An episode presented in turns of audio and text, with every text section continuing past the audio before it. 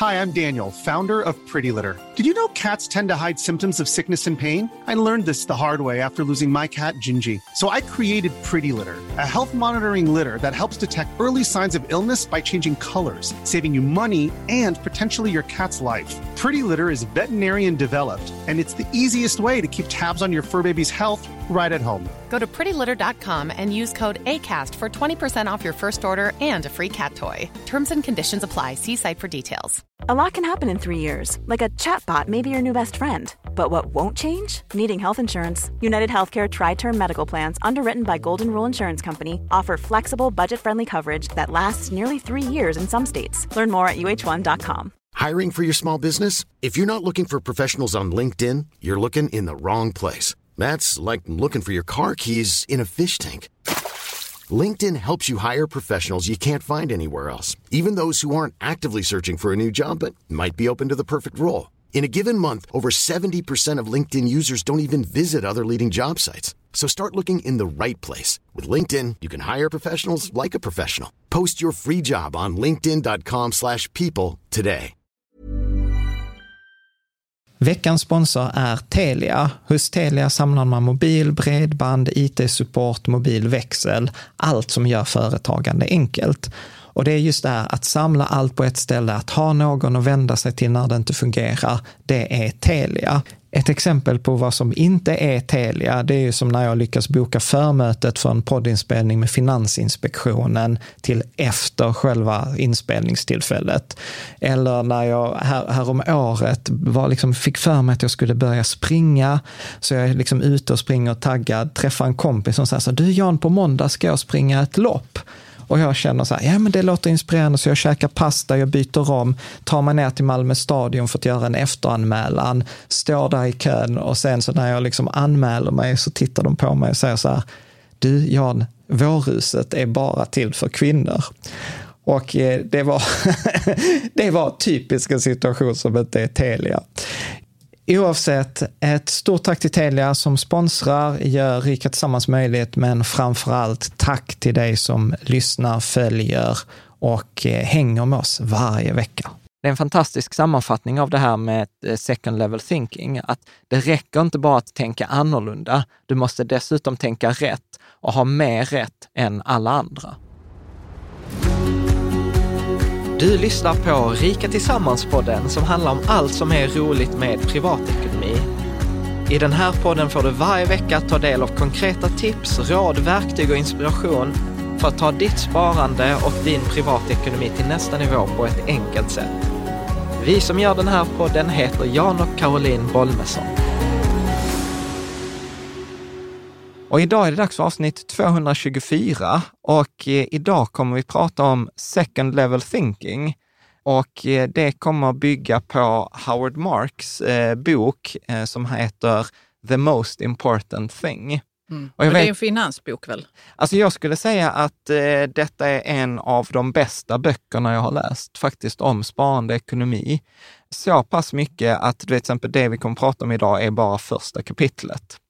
Så okay. att eh, jag tror att vi kommer, jag tror att vi kommer komma tillbaka till, eh, till den här boken flera gånger. Och framför allt så är det för att Howard Marks jag skulle säga att detta är den första boken inom finans som både pratar om liksom index och pratar om hur man kan slå index. För att ofta är det antingen så är man liksom så här, index är lätt att slå och man är bara aktiv, eller så är det så här, oh, index är omöjligt att slå. Detta är liksom, det, alla som försöker är dumma. Mm, vi ska och, bara säga att index är ju ja, genomsnittet för hur marknaden går. Typ köpa ja. en fondrobot eller indexfond, det vi pratar om i avsnitt 99. Yeah. Det, det, och det ska fortfarande sägas, det är fortfarande avsnitt 99 som är basen i allt vårt sparande.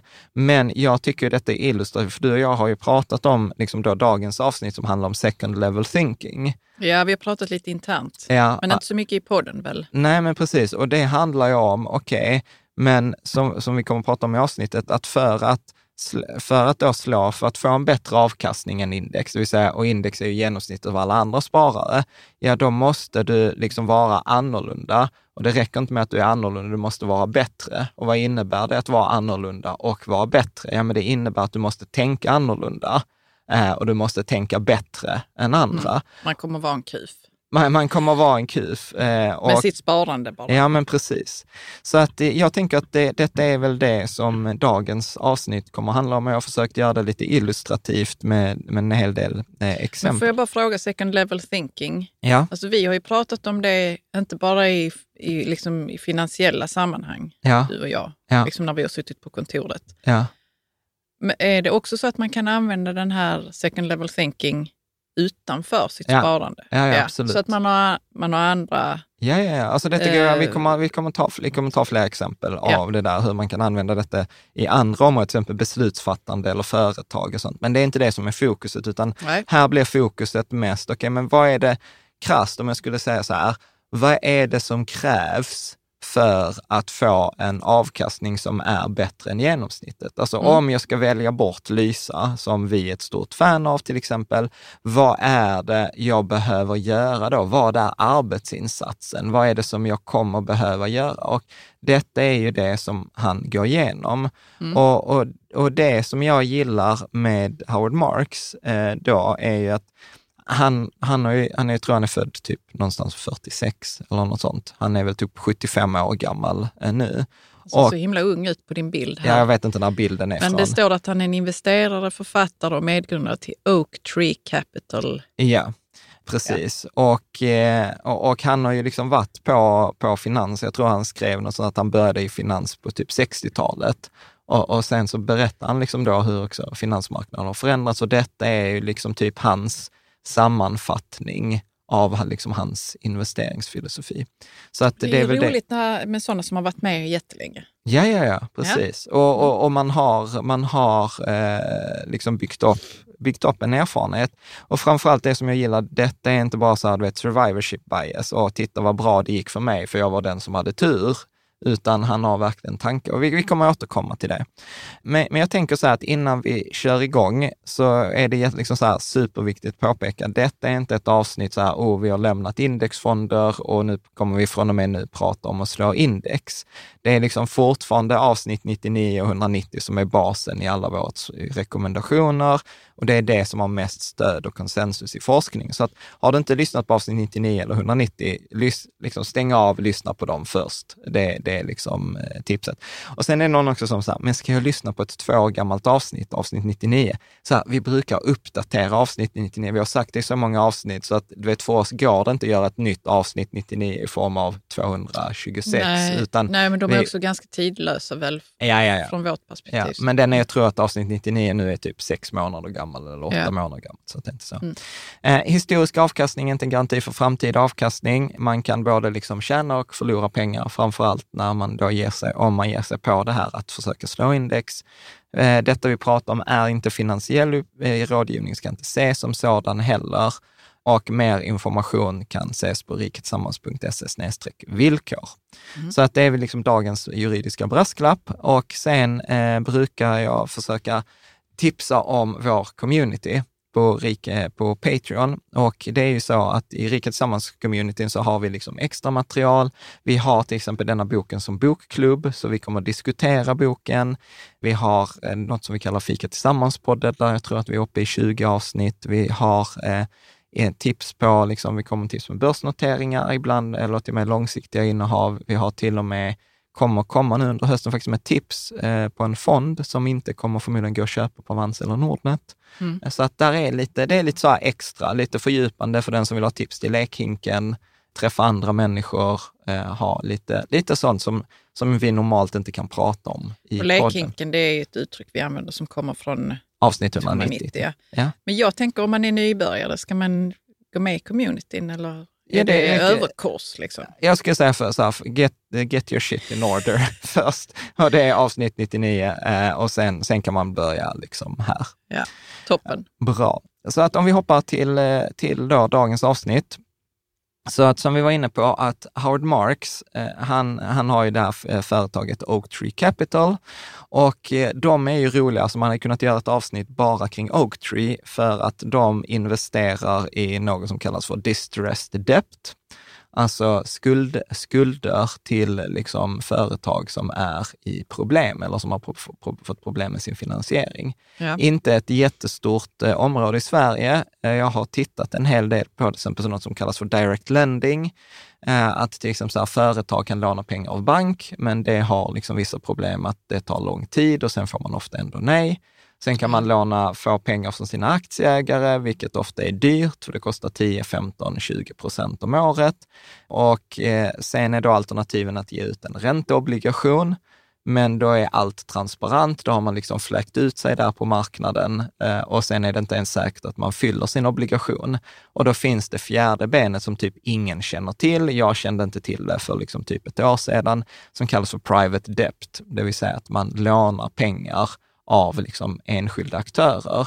Och då blir det liksom så här, det blir väldigt diskret, eh, man, man kan låna pengar, ofta är räntorna ganska höga, men man betalar det för att det ska vara diskret och flexibelt. Det är typ, ska man köpa ett annat företag så är det typ som att man tar, eh, vad heter det, så man får typ ett lånelöfte. Så att det är ganska intressant. Så att de investerar inte jättemycket i aktier, men detta har ju liksom varit han Howard Marks liksom stora liksom intresse. Men är det inte ganska riskfyllt också? Jag tänker om man är i, mm. i eh, skuld, man är, har ett företag som är i skuld, då kan ja. det ju vara av olika anledningar. Man kan också vara för att det inte är Nej, välskött, eller? Ja, nej, nej alltså nu, nu, ska, nu ska vi inte göra detta ett avsnitt om private debt, men det är ju intressant, alltså så här, jag vet ju många family office i Sverige som jobbar med det här till exempel. Och det är inte ovanligt att man till exempel tar säkerhet i ett bolag och så tar man säkerhet eh, med kanske säg eh, på 90 procent eller till och med på 100 procent av företaget. Och, och lånet är kanske på 20 procent. Då kan liksom värdet falla på säkerheten med 80 procent och man får ändå tillbaka sina pengar och då kan de ju ta över hela företaget. Så att ofta är det lägre risk ja, ja. Än, än, än, aktier och räntan är ofta avtalad i förväg. Så att du vet vad du får för en ränta. Du har ofta bra säkerheter. Så gör man jämförelsen med en räntefond och private debt så får private debt ofta tillbaka 70-80 procent av sina pengar medan en räntefond får tillbaka 30 procent i händelse av liksom, problem. Mm. Men mm. skitsamma, det var, det var ett sidospår. Det vi, vi får återkomma om private debt i ett annat avsnitt. Det är ju motsatsen till private equity. Men i alla fall, så boken då eh, bygger då på hans erfarenheter från Oak Tree Capital och där har han typ två, tre gånger om året eh, släpper han något som han kallar för memos. Så detta är ju precis som Warren Buffett har sina brev till sina aktieägare, så har han memos till sina, till sina delägare. Och detta har han gjort sedan 1990 och att bara läsa de här memos är, liksom, vi skulle kunna göra en poddserie i ett år om de här, eh, de här noteringarna. Och den här boken då, eh, The Most Important Thing, började som ett memo 2003 då han skrev till sina delägare, the most important thing is. Och sen så konstaterade han att nej, men där är ganska många saker som är the most important thing. Och eh, liksom detta blev då eh, liksom sen sammanfattningen eh, av, eh, liksom till, till exempel till hans eh, bok, eh, då den här eh, The Most Important Thing. Sen har vi köpt, vi kommer att prata om den boken som är Illuminated, Eh, vilket är jättespännande, för då har han bjudit in andra tänkare, typ som Joel Greenblatt, som har skrivit boken The Magic Formula, eh, eller Seth Klarnan eller Christopher C. Davis och Paul Johnson, alltså ganska andra kända tänkare. Och så kommenterar de liksom hans tankar. Eh, och det är också för att han har ju precis som Ray Dalio, som också är en annan fondförvaltare, den här synen att du ser inte verkligheten så som den är. Du ser bara din bild av den, så du behöver ha andra människor som inte håller med dig för ja. att kunna se, se verkligheten. Ja. Eh, och det som jag också tycker är spännande och som flera har kommenterat i hans bok är att han pratar ganska mycket om risk. Att fokuset ligger inte så mycket på avkastning, utan fokuset ligger på risk, vilket förmodligen kommer från hans räntehandlarben. Och han skriver ju så här, to me risk is the most interesting, challenging and essential aspect of investing. Och, eh, och detta då ligger till grunden för det som han, som han pratar om sin filosofi. Och du kan, så här skriver han själv om sin filosofi. Mm. A philosophy has to be the sum of many ideas accumulated over a long period uh, of time from variety of sources. One cannot develop an effective philosophy without having been exposed to life's lessons. Mm. Och, så man kan inte vara 19 Nej, man kan inte skriva sin filosofi när man är 19. Och, och sen fortsätter, och sen så finns det ganska mycket vad som på nätet eller har kommit att kallats för howardism. Alltså saker som han har sagt som liksom sen hänger kvar. Men är det inte så att man vill ha en guru, att man vill göra honom till en guru då? Alltså folk har gjort honom till en guru, men det är skitsamma. Alltså, eftersom han inte pratar om köp det här, utan han försöker ju lära en så här, okej, okay, detta är mina erfarenheter, take, ta dem om ni vill det är inte som han har skrivit detta en haurism, utan det har ju liksom sen blivit vi andra som läser det. Alltså till exempel, och, och många är, ja visst det är klyschor, men å andra sidan finns ju anledning till att klyschor är klyschor. Och då säger han till exempel så här, experience is what you got when you didn't get what you wanted. Mm. Eh, så erfarenhet är det du får när du inte får det som du ville ha. Och sen, sen så liksom fortsätter han då. Good times teach only bad lessons. That investing is easy, that you know its secrets and that you don't need to worry about risk. The most valuable lessons are learned in tough times. Ja.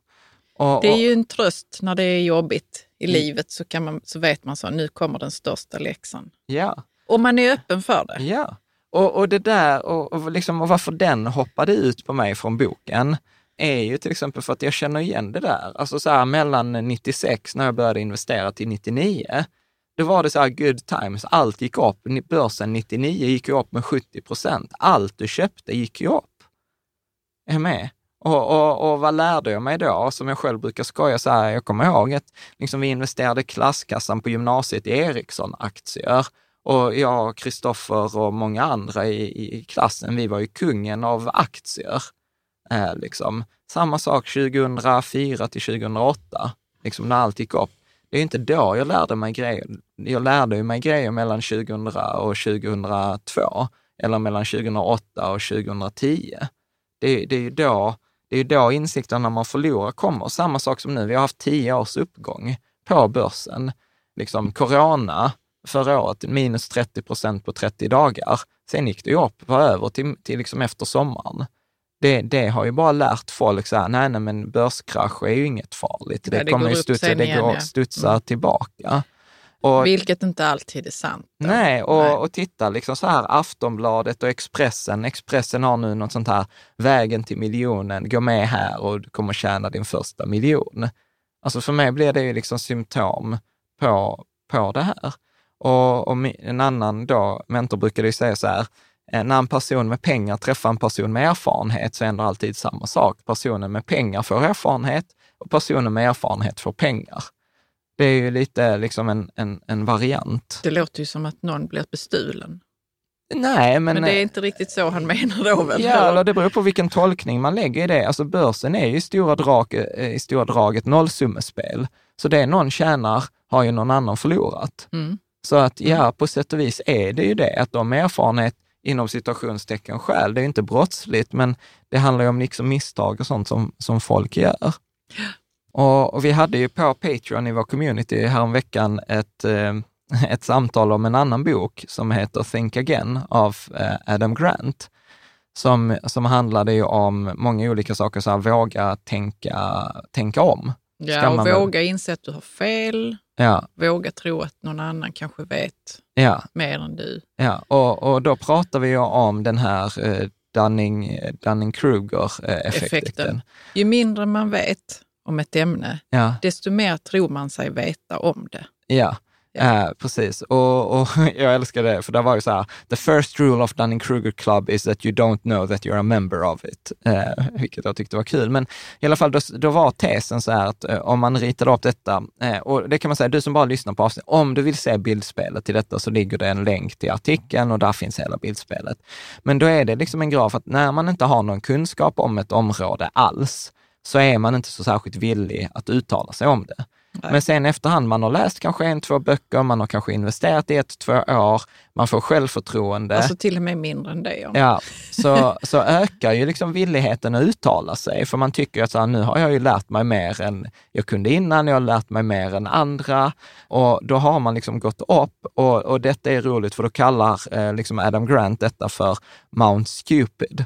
Ja, man har vandrat upp för det lilla berget ja, att man, kunskap. Ja, man. precis. Här på bilden vi använder så var det så här, du har gått off a wall of ignorance och är nu på peak of stupidity.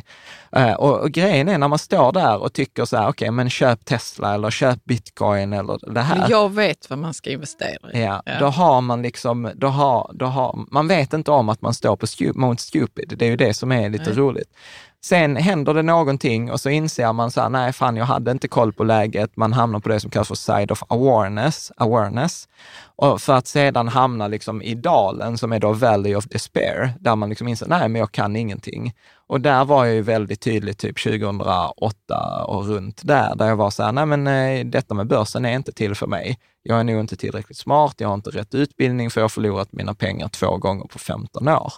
Liksom. Och sen därifrån kan slope of enlightenment börja, att man liksom börjar inse så här, shit, det är mycket jag inte kan. Man inser så här, investerande är ganska liksom, komplext. Jo, men jag tycker också om detta med Mount Stupid. För man kan veta så att jag är på väg upp för Mount Stupid nu. Ja. Om man nu är medveten om att det finns. Ja. Man lär sig något nytt, man kommer göra massa misstag. Ja. Och det är en del av det. Ja, ja, ja. För att vi skäms så ofta över misstagen vi gör och vi vill inte kännas vid dem. Vi vill helst glömma dem, men man ska inte glömma dem. Nej. Man ska lära sig någonting av dem. Ja, precis. Så att, så att det är väl som han Adam Grant skriver, så här, next time you're on a Mount Stupid, remember to take a selfie. liksom. Men hur exakt gör man det? Ja. Är det att man tar en ta en bild på, på sitt äh, fantastiska uttalande. ja. liksom. jag, tänk, jag tänker att vi ska gå vidare eh, liksom här och du ska läsa ett citat från Benjamin Graham som har skrivit en klassiker eh, som heter The Intelligent Investor. Um, här kommer engelska citat staplade på varandra. Ja, men det kommer Ta lite i taget nu. Ja, men vi mm. läser boken på engelska och jag gillar så här, översättningar eftersom jag vet inte ens om boken är översatt till svenska. Nej. Liksom. Nej. Okej. The art of investment has one characteristic that is not generally appreciated. A credit, uh, cred, vad står där? Creditable. A creditable if unspectacular result can be achieved by the lay investor with a min minimum effort and cap capability. But to improve this easily attained standard requires much Application and more than a trace of wisdom. Mm. Ja, vi måste översätta det, ja. för jag kände att det blev lite styltigt. Ja. Nej, men det, det säger så här, han säger så här att eh, liksom, konsten att investera har en karaktäristik. En. Ja, liksom ja. en egenskap. En. Mm. Och det är som, en egenskap som man sällan liksom uppskattar. Jag tycker däremot att vi är väldigt duktiga på att uppskatta den och den är nämligen att vem som helst kan få ett genomsnittligt resultat. Vem som helst kan genom att köpa en indexfond eller en fondrobot få ett genomsnittligt resultat på marknaden. Om du och jag skulle börja spela tennis så hade det tagit ganska lång tid innan vi hade varit en genomsnittlig tennisspelare i den klubben. Men ja, du, och jag, kommer nog aldrig bli en spelare. Nej, men lägg fokus på rätt grej. eh, Medan att köpa en indexfond så kan jag bli en genomsnittlig investerare direkt från dag ett. Ja. Alltså på tio minuter utan liksom minimum är... effort och minimum. Jag behöver inte ha någon bakgrundskunskap, Nej. jag behöver inte ha någon utbildning, jag behöver inte ha någonting. Mm. Men steget att förbättra den är liksom inte att oh, jag lägger in lite energi till och så får jag ett bättre resultat, utan det är massivt med ansträngning man behöver komma för att lyfta det. Och det var ju det som det exemplet vi hade här om veckan med eh, liksom att många tror att jag kan gå in och investera ungefär så som jag spelar lite korpfotboll. Och så tänker jag inte på att det finns lag som PSG som har liksom lika många tränare som de har spelare, som liksom bara liksom fokuserar på att göra en enda grej. Liksom. Eh, och, och, detta har liksom, Ben Graham lever ju inte längre, utan han skrev ju detta för många decennier sedan. Och Howard Marks är liksom också inne på det här. Han, han formulerar det lite, lite annorlunda. Ska du läsa? Mm. Anyone can achieve average investment performance. Just invest in an index fund that buys a little of everything. That will give you what is known as market returns, merely matching whatever the market does. In my view, the definition of successful investing is doing better than the market and other investors. Mm. Så att här pratar han ju liksom, och det är det som jag också gillar med Howard Marks, att han är inte neg, alltså de flesta aktiva investerare brukar vara ganska negativa till indexfonder. Mm. Och, och, och, han säger så här, nej men indexfonder är bra, det är bra för majoriteten av de flesta. Eh, och det säger som Warren Buffett också. Men om jag vill spela liksom spelet, om jag vill ha above average market, ja då måste jag vara bättre än marknaden. Och genom att vara bättre än marknaden, då måste jag säga vara bättre än alla andra deltagarna på den marknaden. Då måste jag vara bättre än PSG. Och då måste jag också lägga in den, den ansträngningen. Liksom. Och, och här, detta tycker jag är ganska intressant, för att vad jag konstaterade, kanske felaktigt, är ju att jag upplever ju inte att det är värt den ansträngningen. Och, och jag har liksom aldrig kunnat uttrycka det på ett särskilt bra sätt förrän nu, liksom när vi kommer gå igenom då Howard Marks bok. Så vad är det som krävs? Vad är den här ansträngningen? Liksom, hur kvantifierar man den?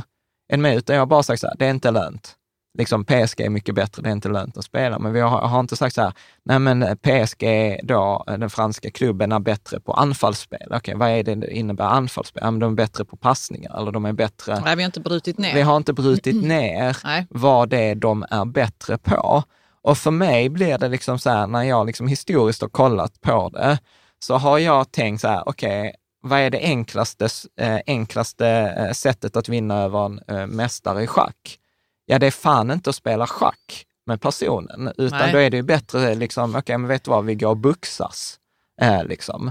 Ända tills det var någon som sa att det finns buxningsschack, men eh, det, det, är en annan grej. Men i alla fall, så, så mycket av de här avsnitten som vi kommer att prata om här framgent handlar ju om, så hur blir jag bättre än schackmästaren i schack? Är ni med? Så att det jag tycker däremot, att om vi bara ska titta så här, så hur slår man schackmästaren om man inte vill spela schack? Så upplever jag att många gånger att folk lägger ner kopiösa mängder tid, om vi tittar till exempel på proffs, alltså fonder och sånt, lägger ner kopiösa mängder tid på att hitta kanske 0,1 procent mot marknaden eller 0,5 procent mot marknaden. Medan vi privatpersoner har en stor fördel som de här fonderna och institutionerna inte har. För vi kan till exempel titta på så här, finns det andra sätt hur jag kan öka mina inkomster? Mm. Kan jag byta jobb? Kan jag löneförhandla? Kan jag byta karriär? Som vi hade i förra avsnittet med Monica, kan jag starta eget? På många sätt kommer det förbättra min avkastning eftersom jag kan få in mer, mer pengar. Ett annat sätt är ju liksom så här, minska eh, det som vi brukar kalla för lifestyle creep, eller minska sina kostnader. Ja, som, lifestyle creep kan vi väl ändå säga vad det är för någonting. Ja, ja. Så ju mer man eh, tjänar, desto mer tenderar desto mer, utgifterna att öka. Lite, det har vi upplevt. Ja, men lite som vi skojade om i förra avsnittet, att när vi var studenter för 15 år sedan så levde vi gott på 15 000 kronor i månaden. Medan idag så, så har vi en bra månad om, om vi, om vi liksom håller oss under 50 000. Ja, jag ska bara säga en sak om det. Ja.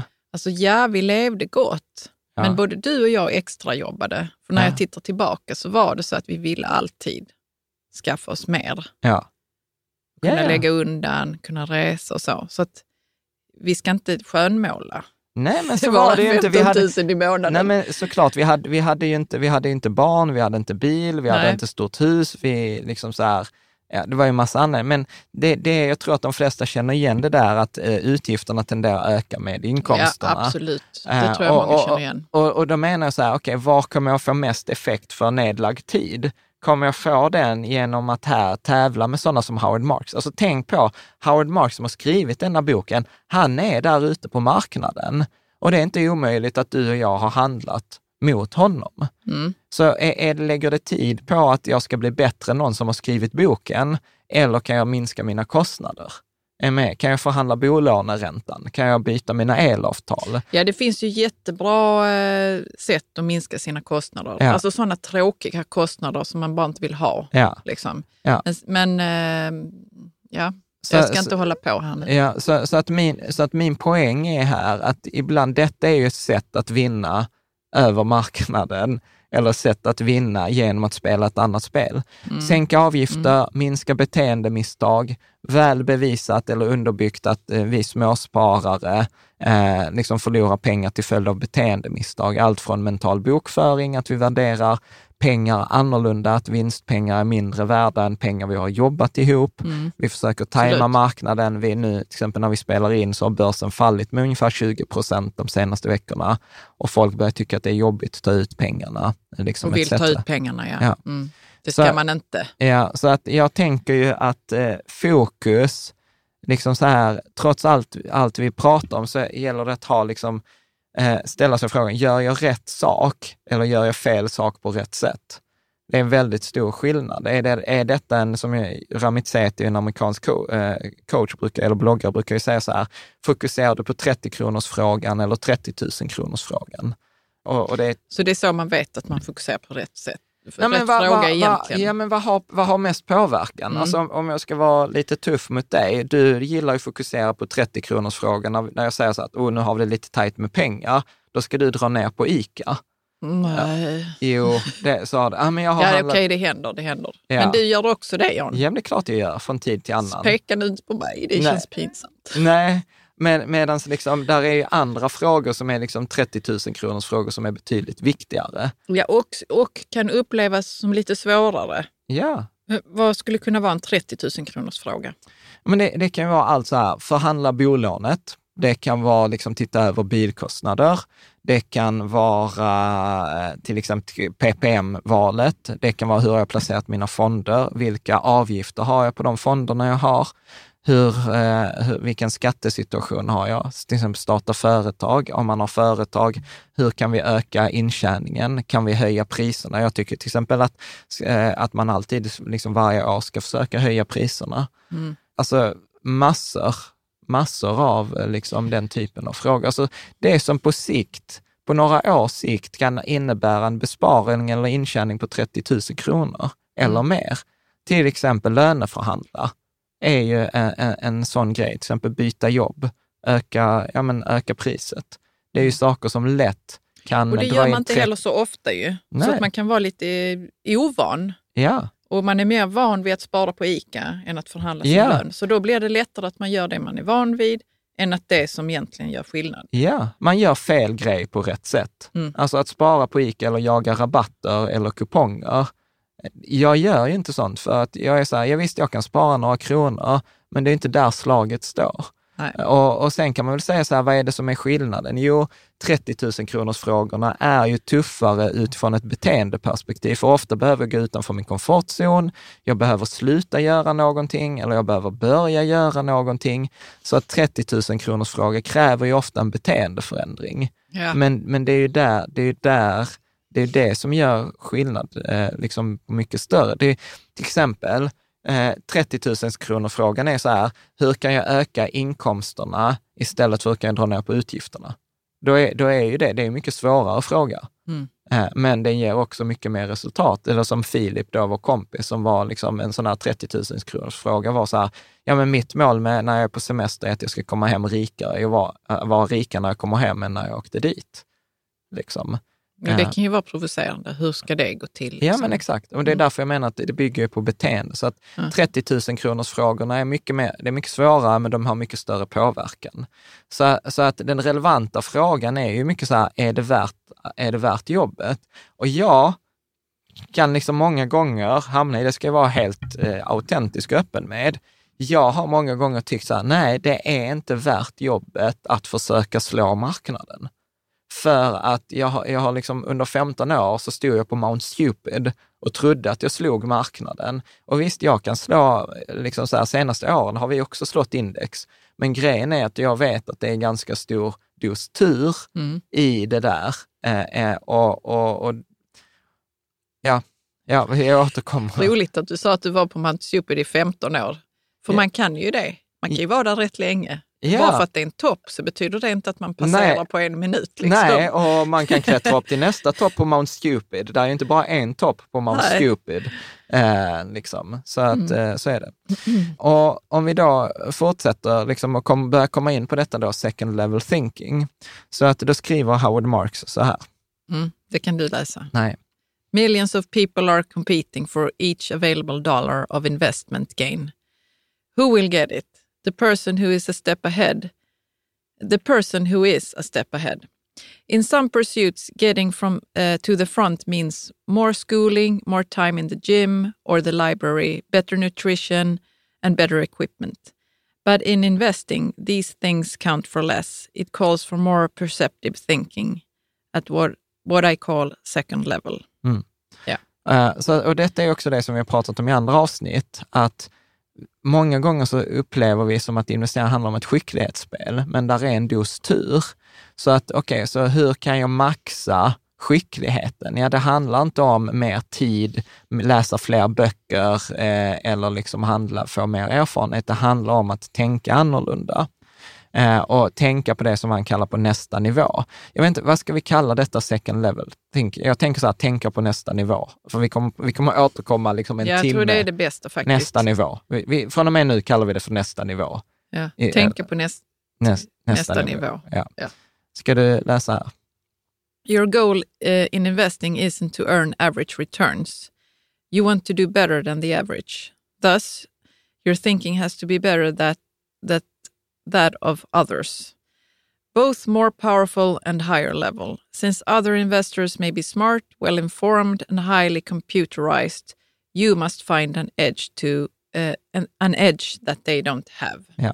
Så han säger så här, målet måste ju vara att inte få genomsnittlig avkastning. Genomsnittlig avkastning i detta fallet är indexfond. Och då ska vi också komma ihåg här, parentes, genom att få en genomsnittlig avkastning flera år i rad så får den bättre avkastning än de flesta andra.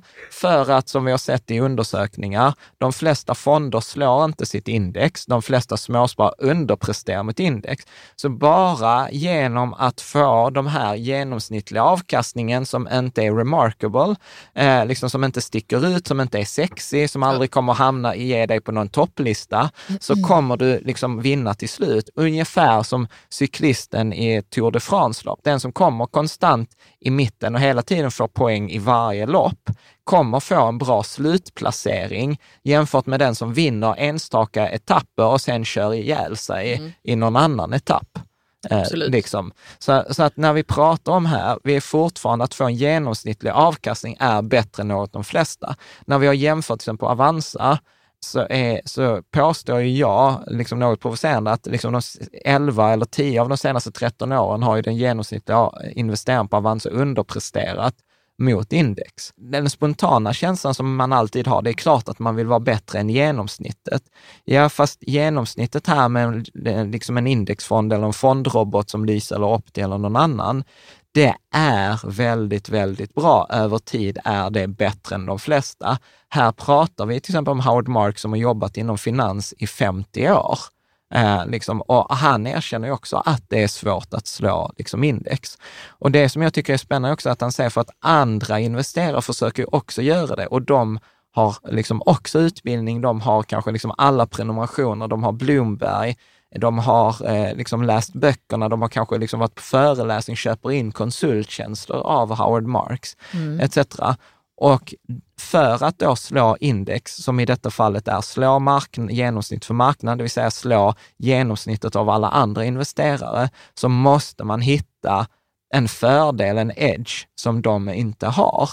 Och då skriver han fortfarande vidare så här. Uh, you must think of something they have not thought of. See things they miss or bring insight they don't possess. You must think differently. You must behave differently.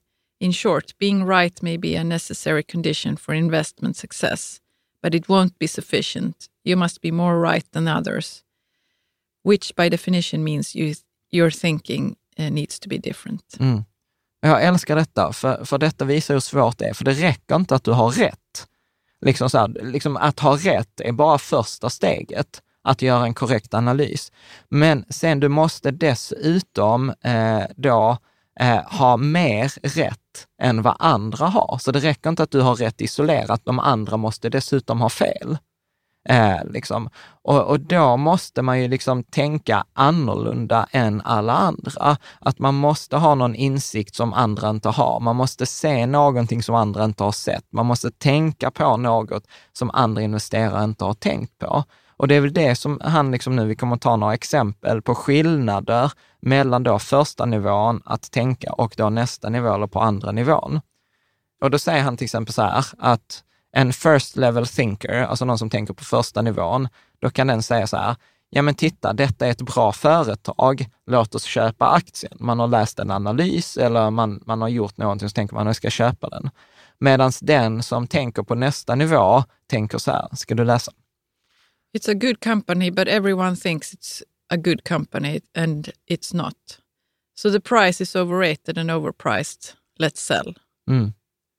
Med? Så att den andra, på andra nivån så tänker man så här, okej, okay, det är ett bra företag, men problemet är att alla andra tycker också att detta är ett bra företag, vilket förmodligen gör att kursen har drivits upp högre. Så trots att det är ett bra företag så har det en dålig aktiekurs, så att det är överprisat allt som behöver vi sälja. Så att man tar hänsyn till liksom fler faktorer. Mm. Ett annat eh, exempel, eh, då säger han så här till exempel, ja men första nivån säger så här, okej, okay, men analysen, out, the, the outlook calls for a low growth and rising inflation. Let's dump our stocks. Det vill säga att vin eh, säger så här, vi kommer ha låg tillväxt i framtiden, vi kommer ha en ökande inflation, ungefär det läget vi är i dagsläget. Aktier kommer inte må bra i detta, så vi borde liksom sälja i förväg för att undvika nedgången. Så det mm. säger first level thinking. Och det, detta, du vet, och, och, om man då lyssnar på en sån här person som säger detta, så tycker man så här, fan det låter ju sjukt smart. Jag har inte tänkt på att om vi är ökande inflation, då kommer det påverka aktier. Och medan den som tänker på nästa nivå skulle säga så här, ja men vin suger. Alltså så här, framtidsvin suger, vi, har, vi kommer ha låg tillväxt, vi kommer ha en hög inflation. Men alla andra har redan tagit hänsyn till det här och har sålt, vilket faktiskt innebär att detta är ett bra köpläge, så låt oss köpa. Mm. Vad tänker du? Men försöker inte alla tänka så här? Liksom. Nej. Jag förstår att media inte rapporterade på det viset alls. Vad, tror du media är? De är på first level, eh, första nivån. Ja, media är fantastiskt exempel på första nivån. Ja, absolut. Eh, men sen så ska de ta in någon expert som, som pratar eh, liksom vad det verkar som på mm. an, andra nivån. Mm. Det känns ändå som att det finns till och med en tredje nivå, eller liksom ja, att man tänker tanken en, en bit till. Liksom. Ja, det är klart det. Så detta det här är ju enkla detta exempel. Detta är ju triviala är exempel. Ja. Jag kommer ha några liksom andra. Eller denna då. Ja. Eh, ett tredje exempel. Eh, Okej, okay, jag tror att eh, intjäningen kommer eh, eh, falla, att företaget kommer inte omsätta lika mycket som det har gjort innan, till exempel som under corona. Okej, okay, låt oss sälja aktien för den kommer inte, eh, då, eh, kommer inte gå bra. Medan den på nästa nivå säger så här, I think the company's earnings will fall less than people expect and the pleasant surprise will lift the stock. Buy. Det vill säga att man tänker så här, okej, okay, företaget kommer ha en lägre omsättning eller en lägre vinst, men förmodligen kommer den, det fallet vara lägre än folk antar. Så jag tror att, den, den, den, eh, att folk har överskattat nedgången och det kommer göra att aktien ökar. Så låt oss köpa. Ett, jag vet inte om du minns detta, men vi hade ju Andreas och Henrik från Coeli, från Coeli Global Selektivfonden i podden. Kommer du ihåg att de pratade just om det här? Att alla trodde ju att Nikes försäljning av skor skulle minska. Och sen så kollade de på liksom så Google-sökningar, de kollade på liksom massa andra faktorer. Och sen insåg de så här, nej tvärtom, sökningar på Nike-skor, jag vet inte om det var Nike-skor eller Adidas-skor eller vad det var, har ökat i perioden. Så att förmodligen så kommer liksom eh, eh fallet eller försäljningstappet kommer inte alls vara lika stort alltså tror att de kommer leverera en bättre kvartalsrapport än vad de flesta andra trott. Så de positionerade sig precis på det här sättet och fick mycket, med, fick mycket väl rätt i det här. Ja. Att, att de, de inte bara hade rätt, att de skulle säga, för det är lätt att säga så här, oh, Tesla liksom har sålt många bilar detta kvartalet.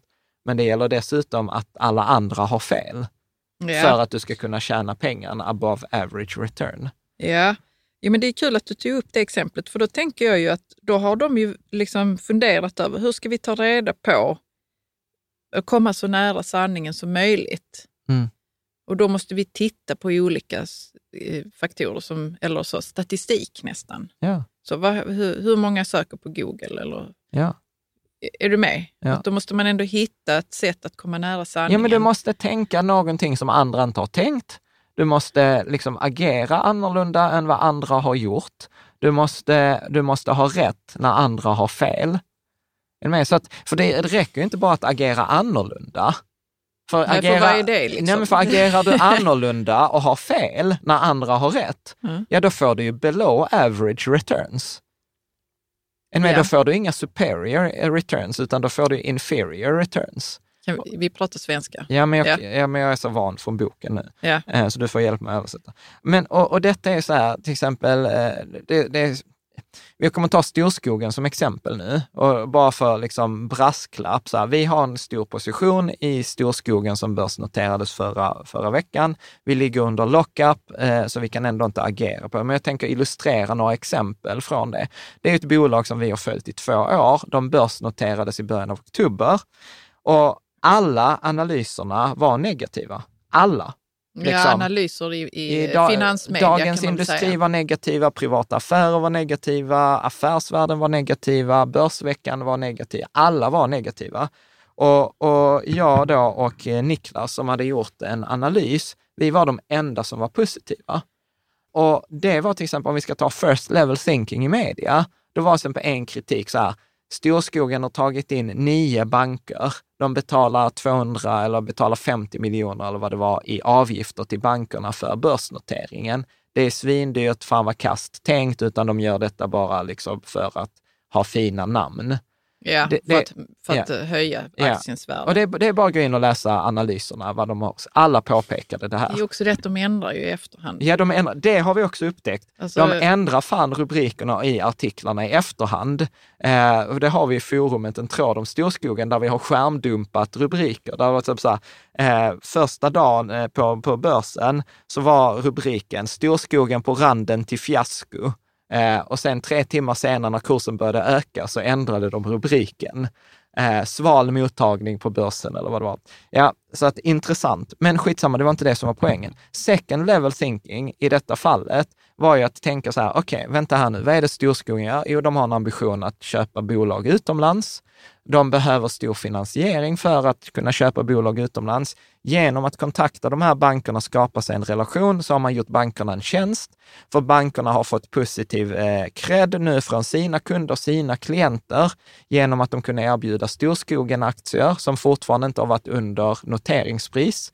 Vilket innebär att när Storskogen kommer till dem i framtiden så kommer bankerna ha en bra uppfattning av dem och kommer göra det enklare att låna pengar. Är med? Och sen, jag, jag kommer ta, säkert ta fler sådana här exempel om just Storskogen, för det blev så, så uppenbart att det är så lätt att tänka liksom så här, första nivån. Det var till och med journalister som skrev så här, ja, Storskogen har fått öknamnet Snårskogen. Att ja, de äger både äggkläckerifirma och måleri. Mm, det Eller finns liksom- inget... Där finns ingen röd tråd, där finns inga synergier.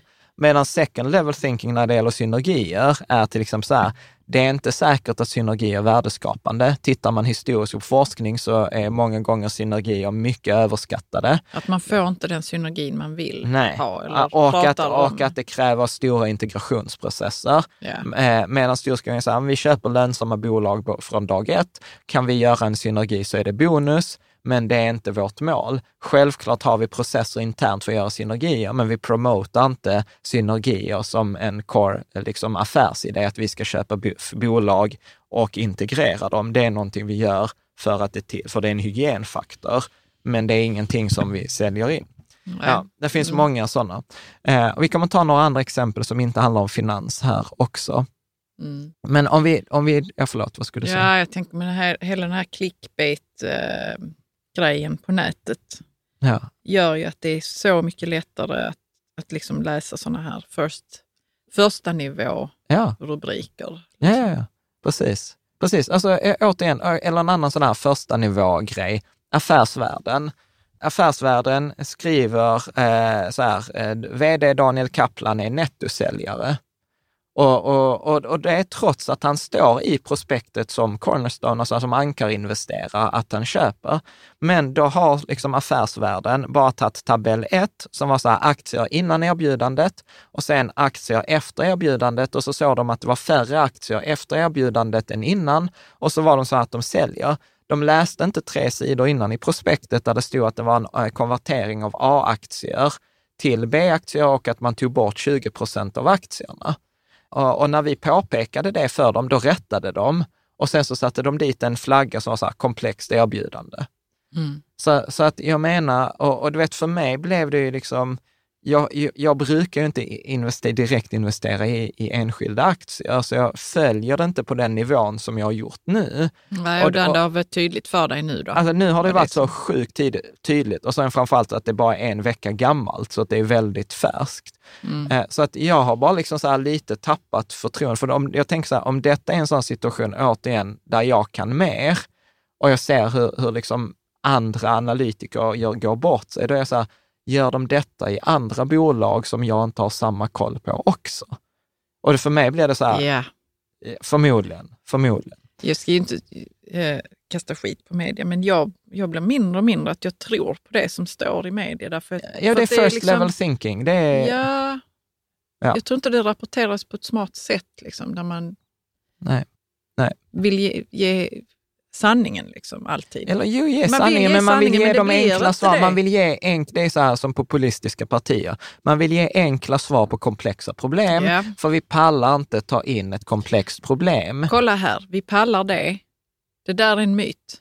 Vi pallar ta in komplexa problem, men vi måste också få tid på oss. Ja. Och de flesta tar inte sig den tiden. Nej. Bra, nu går så vi vidare. Så vi är inte dumma i huvudet. Nej. Nej. Vi går vidare. Ja. Läs. Jämförelse av de två sätten att tänka. First level thinking is simplistic and superficial and just about everyone can do it. All the first level thinker needs an opinion of the future, as in the outlook for the company is favorable, meaning the stock will go up. Ja. Så att först, alltså första nivåns tänkande är simplistiskt, det är på ytan, alla kan göra det. Det enda man behöver göra för att ha en första nivås tänkande, det är att ha en åsikt om framtiden. Ja, ungefär som eh, under pandemin, när folk trodde att Netflix-aktien skulle Gå. stiga för att folk är hemma och kollar på Netflix. Ja. Sen kan man ju dock säga så här. Ja, det, jag vet alltså inte jag tyckte, det stämmer eller vad. Jo, men sen gick de ju upp. Grejen är ju också så här, som vi kommer komma till, om, om det är tillräckligt många first level thinkers så blir det ju rätt. Så blir yeah. det en självförstärkande sanning. Och det måste man ju som en second level thinker ta hänsyn till. Alltså så här, det där är ju mina missar. Mina missar är ofta att jag ser igenom första nivån, men jag själv är dum i huvudet för jag tar det inte till nästa nivå, för jag agerar inte på, på att jag tänker så här, hur kommer andra agera i förhållande till detta? Utan jag tänker så här, men ser inte alla att det där att kejsaren är naken, att det är en bluff? och sen när de inte gör det så går jag därifrån. Men jag tänker inte tanken slut att om tillräckligt många tänker att kejsaren är liksom sjukt fint påklädd, ja då borde jag ju investera i det där klädföretaget som alla tror att kläderna på kejsaren kommer ifrån. Det vill säga att det finns en poäng i att investera till exempel i krypto bara för att alla andra tycker att det är bra. Är du med? Där, där räcker inte mitt second level thinker. Så jag blir ju också en first level thinker. Liksom. Uh, Eller bara tycker folk är dumma. Ja, jag tycker oftast folk är dumma. Ja. Läs här. Mm, first level thinking is... Nej, vänta här nu. First level thinkers don't understand their setting as a marketplace where asset prices reflect and depend on the expectation of the participants. They ignore the part that others play in uh, that the... Uh, They, they ignore the part that others play in. How ja, men prices... vad fan. Ja men Caroline. jag vet, det är skitjobbigt. Okay. Låt mig ta det nu. They ignore the part that others play in how prices change. And they fail to understand the implications of all this. Ja. Nu får du översätta. Ja, så första nivåns tänkare förstår inte att liksom mark, hur, hur priset på en tillgång eller på en aktie eh, återspeglas i, på en marknad där alla agerar och där alla har en förväntning om priset. Mm. Är ni med? Så att det är inte bara så här att eh, en aktie värderas så här, oh, företaget har 110 eh, kronor i tillgångar och 60 kronor i skulder, alltså är det värt 50 kronor. Är med? Det räcker inte för att värdera ett bolag, utan jag måste dessutom ta hänsyn till vad tror andra att det här företaget kommer att vara värt i framtiden? Är mm. med? Så att vad andra människors åsikt liksom behöver jag ta hänsyn till. Och det är det som många inte tar hänsyn till, utan man tänker så här, oh, Netflix eh, kommer gå upp under pandemin. Och man tar inte hänsyn till, ja men alla andra har ju också tänkt denna tanken och det är redan inprisat. Eller så här, ja men inflationsförväntningarna, att inflationen kommer gå upp, det är ju redan inprisat för att det har ju alla andra tagit hänsyn till det, för man har pratat om inflation i sex månader. Det är bara jag som är sent till bordet. Är du med? Så att man, man, man missar att tänka på vad, hur påverkar andra människors liksom, åsikt. Är du med? Mm. Eller nej, jag, jag känner mig förvirrad nu John. Det ska jag ärligt säga. Och så är jag sådär, att jag förstår att det finns first level thinking, men man vet ju inte ifall man är där och håller på. Man tror kanske man är på second level och så är man ändå på first level. Ja, men jag... Eller första nivån. Ja. ja. Jag skulle säga så här, om du inte vet att du är på andra nivån så är du på första. Ja.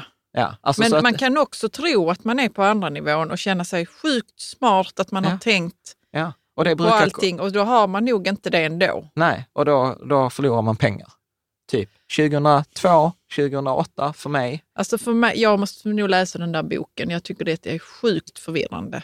Men vad är det som är förvirrande? Förvirrande därför att... Ja. Ska vi ta ett exempel så testar vi? Vi har ju tagit massa exempel. Ja, vi kan ta ett nytt exempel. Så att, ta ett exempel. Så till exempel en sån här ja. klassiker som vi kör, till exempel med Freja, just nu med vår, barn, dotter, ja. med vår mm. dotter som har så här månadens aktie där har ju, alltså jag tränar ju henne i first level thinking. Mm. För att innan hon kan ta sig till nästa nivå så måste hon fatta första nivån. Så att då är liksom ett så här klassiskt eh, råd, gillar du produkten, köp aktien. Men det är många, jag har sett detta i tidningar eh, etc. Och det är ett väldigt enkelt och logiskt råd, eller hur? Så här, om jag gillar produkten, eh, så då kan jag köpa aktien, för förmodligen är det fler än jag som gillar produkten. Är du med? Ja, jo. och jag tänker aldrig så. så. Men du tränar i alla fall Freja i det här första nivåstänkandet. Ja. Så mm. låt, oss, låt oss nu då kolla. Så om detta är första nivån tänkande, gillar du aktien eller gillar du produkten, köp företaget. Jättemånga som gjorde det. Jag gillar Spotify, jag köper Spotify-aktien. Jag gillar Uber, jag köper Uber. Eller så. Vad är second level thinking? På det här? Vad är, vad är ja. problemet? Vad är oh, problemet med, med Vad roligt. Här? Eh, ja, det, eh, det kan ju vara så att det bara är du som gillar produkten. Ja. Så kan det vara. Ja. Vad kan det vara mer? Um... Planning for your next trip? Elevate your travel style with Quince. Quince has all the jet-setting essentials you'll want for your next getaway. Like European linen, premium luggage options, buttery soft Italian leather bags and so much more and it's all priced at 50 to 80% less than similar brands. Plus, Quince only works with factories that use safe and ethical manufacturing practices. Pack your bags with high-quality essentials you'll be wearing for vacations to come with Quince. Go to quince.com slash trip for free shipping and 365-day returns. Hiring for your small business? If you're not looking for professionals on LinkedIn, you're looking in the wrong place. That's like looking for your car keys in a fish tank. LinkedIn helps you hire professionals you can't find anywhere else, even those who aren't actively searching for a new job but might be open to the perfect role. In a given month, over 70% of LinkedIn users don't even visit other leading job sites. So start looking in the right place. With LinkedIn, you can hire professionals like a professional. Post your free job on linkedin.com slash people today. Hey, it's Ryan Reynolds, and I'm here with Keith, co-star of my upcoming film, If, only in theaters May 17th. Do you want to tell people the big news? All right, I'll do it. Sign up now and you'll get unlimited for $15 a month in six months of Paramount Plus Essential Plan on us. Mintmobile.com slash switch. Upfront payment of $45 equivalent to $15 per month. Unlimited over 40 gigabytes per month. Face lower speeds. Videos at 480p. Active Mint customers by 531.24 get six months of Paramount Plus Essential Plan. Auto renews after six months. Offer ends May 31st, 2024. Separate Paramount Plus registration required. Terms and conditions apply if rated PG.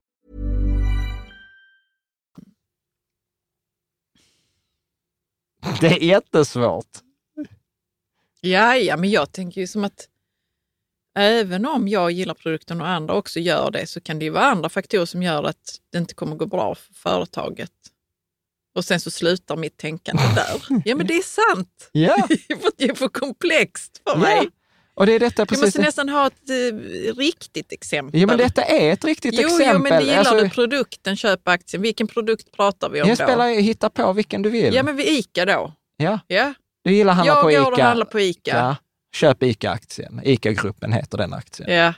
ja. Men det kan ju vara eh, att de får problem med leveranser eller eh, jag vet inte, någon dålig ledning eller någonting sånt där. Så bara går det dåligt. Och så tänker jag så här, nej jag skiter i det. Ja. Vad tänker du är andra nivån här? Nej, men det finns många så här, företag med bra produkt kan vara dåligt skött. Ja, det kan det vara. Till det exempel. precis. Ja. Eh, bra produkt kan bli obsolet, alltså att den, den slutar liksom ha ett värde. Var aktuell, Bla ja. ja. Blackberry till Mm. exempel, ett jättebra exempel. Jättestora, sen kom Apple-telefonen, eh, iPhonen och Blackberry inte slutade existera. Företaget kan vara bra, men det är fler som har tänkt detta och aktien är högt värderad. Mm. Till exempel. Eh, produkten kan vara del i en företagsportfölj som inte går bra. Mm. En med ICA kan gå bra, men Apotea, eh, nu är ju ICA större, men säg att eh, liksom man har ett annat affärsområde som inte alls går bra. Och där kan vara liksom hundra andra grejer. Det kan vara företaget är bra, men det har köpts av en riskkapitalist som har ökat skuldsättningen i bolaget, så att om räntan går upp så kommer företaget få problem. Alltså där är, där är hundra andra grejer Ja. som man kan börja liksom titta på. Men, men precis som du liksom kastar ljus på, det är ju extremt svårt. Det är extremt svårt att tänka på, på det här sättet. Och han skriver, så här skriver Howard Marks. Second level thinking is deep, complex and convoluted. The second level thinker needs to take many things into account. First level thinkers look for simple formulas and easy answers. Second level thinkers know that the success in investing is the antithesis of simple. Ja. Och det återigen, då är vi tillbaka liksom så här, vill jag spela detta spelet eller köper jag min indexfond där jag inte behöver spela detta spelet? Jag köper min indexfond, glömmer bort den i tio år och så behöver jag inte sitta här och bli svettig av liksom tankespjärn. Är du med? Men Ja, jag kan säga att det finns en anledning Ja. till att jag vill ägna mig åt det här andra nivåstänkandet. ja. Och det är för att det är smartare. Jo, men du... Jo, men det är som att man tränar ju också hjärnan. Ja, Man måste också prata med andra människor ja, och få bo, liksom bollplanka. Man kan inte sitta själv och hålla på. Jag Ja. kan inte det i alla fall. Men fattar du hur Och mycket då jobb... kommer ju demensen att, att dröja. Ja. Men fattar du också hur mycket jobb det är? För säg till exempel det där du kom på med leveransproblem. Det har jag inte ens tänkt på. Men du vet, säg att, att du har rätt i det. Fattar hur mycket jobb det sen det kommer vara bara att undersöka leveranskedjorna? Ja, Är, är du med? För sen måste man ju dessutom eh, liksom undersöka leveranskedjorna och sen måste man dessutom tänka, har andra tänkt på leveranskedjor? Och sen bör man hitta de som också har tänkt eller har en åsikt kring leveranskedjor. Och sen måste man undersöka om deras åsikt om leveranskedjor är rätt eller, då, rätt eller fel. Och sen bör man ju se hur stor påverkan har då den här leveranskedjorna på den här aktiekursen. Så att det räcker ju inte bara att ha rätt, alltså, eller så här, åh, jag tänker lite second level thinking. Du behöver fan lägga ner sjukt mycket jobb i det Mm. du kommer fram på också. Eh, Liksom. Ja. Jag, jag, jag tänker, vi, alltså jag har fler exempel. Mm. Vi ska ta ett exempel här med John Maynard Keynes. Det var så här, en av de mest kända... eh, marknadsekonomin, ja. ja. Jag vet. Ja, eh, Jag han, känner till honom. han, han hittade på en tidningstävling eh, 1936, hypotetiskt, jag tror inte den genomfördes. Men den var så här, man visar läsarna i en tidning 100 foton och så ber man dem välja ut de sex personerna som är mest attraktiva. Och sen delar man ut pris till de läsare som valde ut de populäraste personerna med flest röster. Ja. Är du med? Och detta är liksom så här, så hur kommer en first level thinker eh, fundera när de får denna, denna uppgiften? Man, man får se 100 foton, man ska välja ut de mest attraktiva personerna och sen delar man ut pris till de läsare som väljer ut. ja, man vill ju vinna priset. Ja, så hur, det vill man. Så hur skulle du gjort? Då, tar man den som man tycker, då väljer man de som man tycker är attraktiva och hoppas att andra också har valt dem. Ja, yeah. precis. Och detta är ju, detta är ju liksom first level thinking. Mm. Jag väljer ut de sex mest attraktiva personerna. Enligt Men, min uppfattning, ja. ja. Och hoppas att andra också har tänkt så. Ja, det är ja. first level thinking. Så tänker ju alla på första nivån. Ja. Nästa nivå är ju att vara så här, det är ju inte de vackraste man ska välja ut. För det var ju inte de som vinner. Det är de som får flest röster. Ja. Det vill säga att man måste kan... tänka, vilken, den genoms, hur ser den genomsnittliga läsaren ut? Är det mest män eller kvinnor? Vem kommer de tycka är mest attraktiv? Mm. Och välja de personerna. Mm. Ja, och vad är, vad är liksom vår uppfattning, vår standarduppfattning eh, ja. om, om snygghet? Ja. Tredje nivån tänka här är ju så här, alla de som tänker på det här sättet, vilka kommer de välja?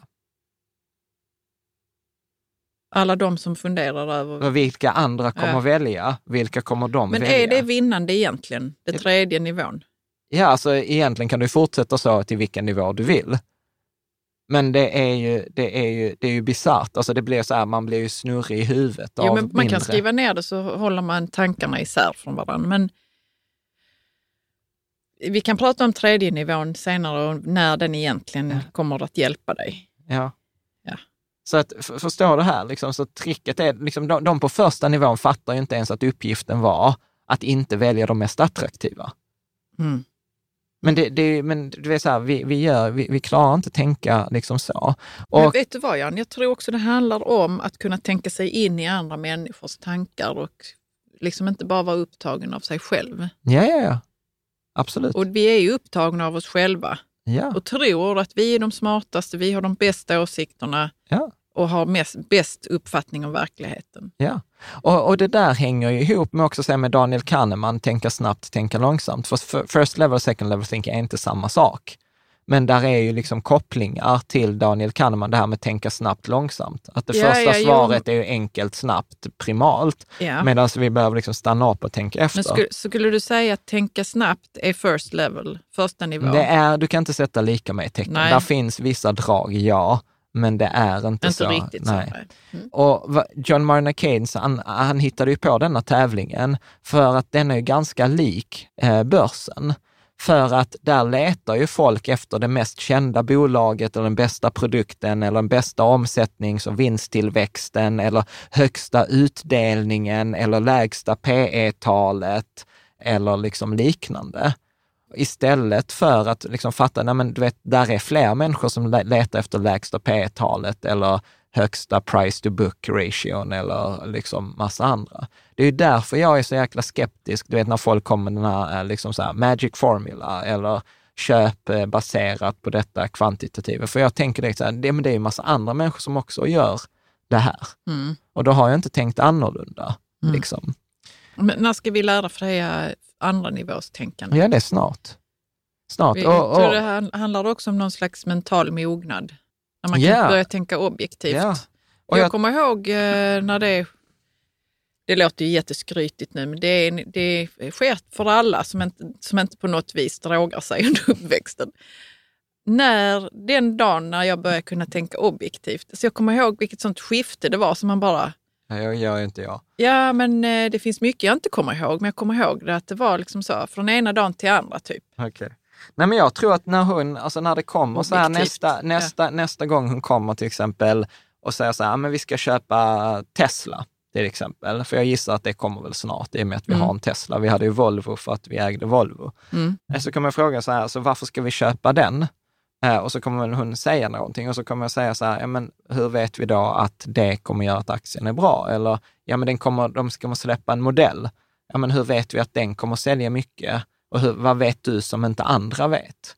Och, du vet, ja, och så får man liksom men vi får nog ändå göra det så att det är enkelt för henne. Alltså liksom jag behöver att... inte skjuta ner henne, det är inte Nej, det det handlar om. hon måste att... nog ändå bli sugen på att ja. tänka, försöka sig på andra nivån efter det. Inte ja. så att det blir för komplext och jobbigt för henne. För jag ja. tror att det kan vara så att vi, vi ibland försöker tänka andra nivån och sen så är vi inte tränade i det och det har varit jobbigt att göra det mm. hittills. Och så vet du inte ens om du har rätt. Nej, och så vet man inte ens om man har rätt, så då gör, då gör man inte det. Man måste ändå finna någon lust i Ja. Howard i Mark det. säger ju detta i en föreläsning jag tittade på med honom. Han sa ju så här, alltså om du, om du får ett fakta så måste du, måste du ställa dig frågan så här, vem vet inte, vem har inte kunskap om den här faktan? Vem, vem, vem vet inte det här? Alltså vem, vem har du ett övertag mot? Mm. Och om du läser någonting i Dagens Industri eller på liksom något eh, liksom forum eller så, här, så är sannolikheten hög att det är ingen edge i den informationen. Andra har ju den informationen redan. Mm. Liksom. Så till exempel, vad var min edge, om vi tar Storskogen-exemplet? Min edge är ju så att vi har ju följt det där bolaget i två år. Jag har läst varenda delårsrapport, jag har varit i möte med ledningen. Jag har liksom sett massor av, av grejer, jag har läst varenda nyhet de har släppt. Eh, är, är med, jag har varit, liksom, vi skrev en 27 sidors analys. Så där är massa data eller fakta som jag vet att andra inte har. Liksom. Men eh, känner du då att du eh, kan vara ödmjuk och tänka så, vad är min första nivås tänkande här? Vad är Nej, men jag har felet jag gör? Ja, men det, det är som vi pratar om i Think Again, istället för att leta efter att du har rätt, leta efter att du har fel. Ja, När- ja, äntligen. Nu är det en metod som jag kan förstå. Ja. Nej men så var det alltså när alla andra var negativa och jag och Niklas, min kollega, som liksom investerat mycket i Storskogen, när vi var så här, är det vi som, vår första antagande var så här, shit pommes frites, vad är det vi har missat? Och det var ju därför vi, vi skrev en analys i tre dagar, alltså på riktigt i tre För att dagar. undersöka För att undersöka, vi gick igenom varenda antagande vi hade gjort. Är det vi som har fel eller är det andra som har fel? Och till slut så konstaterade vi här, nej, vi, vi, vi tror att vi har rätt. Mm. För vi i alla fall, vi hittade så här, vi hittade inga bevis för att vi hade fel. Liksom. Och då letade vi fan noga. Framförallt så hade vi massor av analyser som hade gjort, eh, liksom, som tyckte att vi hade fel. Ja. Men när vi skrapade på ytan som att nio banker, så var det så här, nej men vi har inte fel. Det är de som har fel i resonemanget kring varför man tar nio banker. Så att liksom, han skriver ju, liksom, Howard Marks, han tar ju upp så här frågor att tänka på hur man tar man sig till nästa nivå. Liksom, vad är det för frågor Ja, man kan ställa sig? jättebra. Äntligen får vi en sån metod här nu. Ja, då, är han, då säger han så här, så, vad, är, vad är hela spannet av sannolika framtida utfall? Alltså vad, är- vad är liksom best man to måste- worst case? Vad, vad, vad kan hända? Vilka är de sannolika utfallen? Och inte bara det best case, eller det jag tror. Nej, men eh, då ska vi väl vara på det klara med att man måste nog ha papper och penna typ. Och skriva plus det är klart. minus. Det är klart. Och, Ja, men det är inte plus minus, vi pratar inte Ja, fördel, vi det pratar står sann... hela spannet av, av sannolika, framtida, framtida utfall. utfall. Det kan vara något som sker som är positivt, det kan vara negativa, det kan Ja. vara neutrala. Ja. Förstår du vad jag menar? Alltså, Ja. Man måste ändå värdera dem så småningom. väl? Ja, ja, absolut. Och sen behöver man ju ställa sig för varje utfall. Så vad händer då? Och sen Ja, så nästa, då, och sen nästa. Vad händer då? Och nästa, Okej, ja, och vad händer då? My mistake. Ja, Inte värdera från början då? nej. Nej. Och sen, hur förändras utfallen över tid? Alltså att man lägger till en tidsskala. Alltså vad händer med detta på kort sikt på tio minuter? Vad händer med detta på tio månader? Vad händer med detta på tio år? Så vad händer med de här olika utfallen, de här olika scenarierna? Vilket utfall tror jag kommer äga rum av hela detta spannet med utfall? Vilket eh, liksom, scenario tror jag eh, kommer utspela sig? Och sen behöver jag ju då bedöma, så vad är sannolikheten att jag har rätt?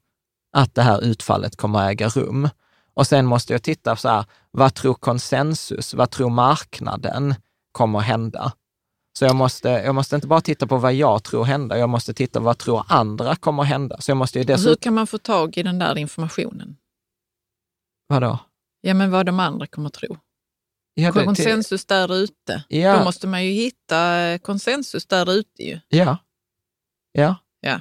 Don't wish it, eh, don't wish it was easier, wish you were better. Nej, men alltså Jo, men allt från också- att läsa analyser till läsa på forum, till läsa, liksom se hur fonder positionerar sig. Om till exempel TIN Ny Teknik, om de är liksom så här vana att placera sig i, i ny teknikbolag i Norden, om de inte tar position i detta, då är ju uppenbarligen deras tro att detta inte är värt det. Men- Ja, och prata med folk. Ja, Jag tror också det där att vilket utfall tror jag kommer äga rum kan också vara så att man önskar att vissa utfall kommer äga rum och så får Ja. man bara vara okej med att jag, jag tror detta Ja, För men- det kan vara så att jag önskar ja, det. Ja, men då måste jag säga, så vad är sannolikheten att du kommer ha rätt? För eh, eh, om man, Jo, om man har en det, önskan och sätter en hög sannolikhet, då är man dum i huvudet, då förtjänar man att förlora pengar. Ja, men, ja, du, nej, önska nu inte att det var lätt. Nej, för då måste du också ta reda på sannolikheten för det. ja. Ja. Så Ja. varje moment kräver ju... ja, detta är jättemycket jobb. Detta är asmycket Man jobb. kan inte bara sitta på sin kammare och göra det på 25 minuter Nej. liksom, Nej. och, och höfta lite med sannolikheter och så. Nej. Nej. Eller så här, sitta och höfta med sannolikheter och sen ta en selfie, för att då är du på Mount Stupid. liksom. Sen, sen måste man ju ställa sig frågan så här, så hur skiljer sig min tro om utfallet från konsensus? Så vad är deltat mellan min tro och marknadens konsensus? Och sen måste jag dessutom ställa mig frågan, så här, hur förhåller sig dagens pris i förhållande till konsensus och min syn? Är med? Så det gäller inte bara att veta skillnaden, utan jag måste dessutom ta in en prisaspekt på det. Och sen bör man också titta på, så är konsensuspriset påverkat av psykologi som är för positiv eller för negativ? För vi tenderar ju att dra upp saker längre än de är och vi tenderar att vara negativa när vi är negativa. Som till exempel, jag upplever ju att konsensuspriset till exempel för storskogen är negativt Mm. eh, i förhållande till vad jag tycker att det, det borde vara rätt. Men jag kan ju ha fel. Mm. Liksom. Vad händer med tillgångens pris om konsensus får rätt eller om jag får rätt? Så är det en uppsida i detta om jag har rätt och konsensus har fel? Eller vice versa, vad händer om jag har fel och konsensus har rätt? Eh, och sen den här frågan, vem har inte den här informationen? Vem har inte gjort detta jobbet? Liksom. Jo, då måste man veta vilka aktörer som, som är med liksom, i spelet. Ja, men så här, du har ju hela marknaden. Ja. Ja. Som till, till exempel, Jag vet inte ens vad marknaden består av kan jag säga. alla spelar på marknaden. Ja. Alla investerar. Alla Så investerar. vissa kommer ha informationen, andra kommer inte ha den. Och sen behöver du också värdera så här, är det att min mamma inte har informationen eller att Andreas på KL inte har informationen? Mm. Ja, det är helt irrelevant att min mamma inte har informationen för hon har 100 000 investerat. Coeli har 8 miljarder. Mm. Så det gäller ju dessutom att värdera informationen baserat på vikt. Så att eh, det är ju detta jag menar är inte, det är ju inte enkelt. Nej. Och, och där finns ju liksom, om vi tar ytterligare något exempel, så här, sydamerikanska agapaddan. Känner du igen den? Cane toad i Australien. Ja, var det Ni- inte en sån implanterad padda som man ville skulle äta upp något, men sen så tog Ja. den över totalt? 1935 importerade man 100 paddor från Hawaii för att bekämpa en skalbagge. Men idag så är agapaddan så giftig att såväl giftormar som vildhundar och till och med krokodiler dör av hjärtstillestånd inom 15 minuter efter att man har svalt en padda. First, Den var, väl, den var giftig från början. Man, Ja. man visste man... ja, så ja. first level thinking är så här, vi tar in paddor för de kommer äta upp skalbaggarna, skalbaggarna. Jo, ja, men precis. Se-. Second level thinking, paddorna är giftiga, har inga naturliga fiender, snart blir de ohyran. Man har liksom flera hundra miljoner paddor i Australien nu, de flyttar sig med 1,6 kilometer per år, liksom tar över landet. Jättestora problem. ja, alltså detta är ju ett känt problem inom eh, ekologi. Ja. Att man ska inte plantera in någonting. Ja. Eh, Det kanske var att man bygger erfarenheten på den här Ja. agapaddan, vad Ja. vet jag. Men Ja. Men, men eller till exempel så här, vi Eh, man tar, har gjort det flera gånger vet jag. ja, men vi inte tänk, med agapaddan, med annat. ja, jag tänker vi ska ta ett exempel till som är lite så här second level thinking, som jag tycker var lite kul, som jag hittade på en hemsida på Mm. ben, Evern, ben Evans. Elektrifiering av bilar. Så vad är liksom så här konsekvenser på första nivån? Av, vänta här nu, kan du, vi bara ta det lite i taget? Ja, men att vi har elbilar, Att vi har elbilar. och vi elektrifierar fordonsflottan. Vad kommer det få för konsekvenser? Alltså det är ju jättemånga konsekvenser. Eh, Vi behöver eh, se till att det finns el så att ladda dem. Eller tänker jag helt Nej, men du tänker Fel, på första liksom. nivån. Du tänker första nivån mindre Ja. behov av bensin och diesel. Halva världens oljeproduktion går. till bilbränsle. Ja. Så här kan man tycka så här, fan vad smart jag har kommit på detta, oljebolag kommer nog inte gå bra i framtiden. Men då måste man ju tänka så här, okej, vem har inte den informationen? Ja, typ alla har ju nog, alltså det är ju det första man kommer på. Det kommer bli mindre bränsle, liksom. Eller hur? Men eh, nu också när vi har pratat med Erik Nässén, och bilexpert, så förstår jag ju att det kommer att dröja lång tid. Absolut, absolut. Och då känner man ju också smart. Ja. Jag har eh, Ja. information som inte alla har. Ja. Mm. En lite mindre så här first level thinking, en miljon mi- mi- människor eh, mindre kommer Nej, dö, färre. färre kommer dö i trafikolyckor Mm. per år.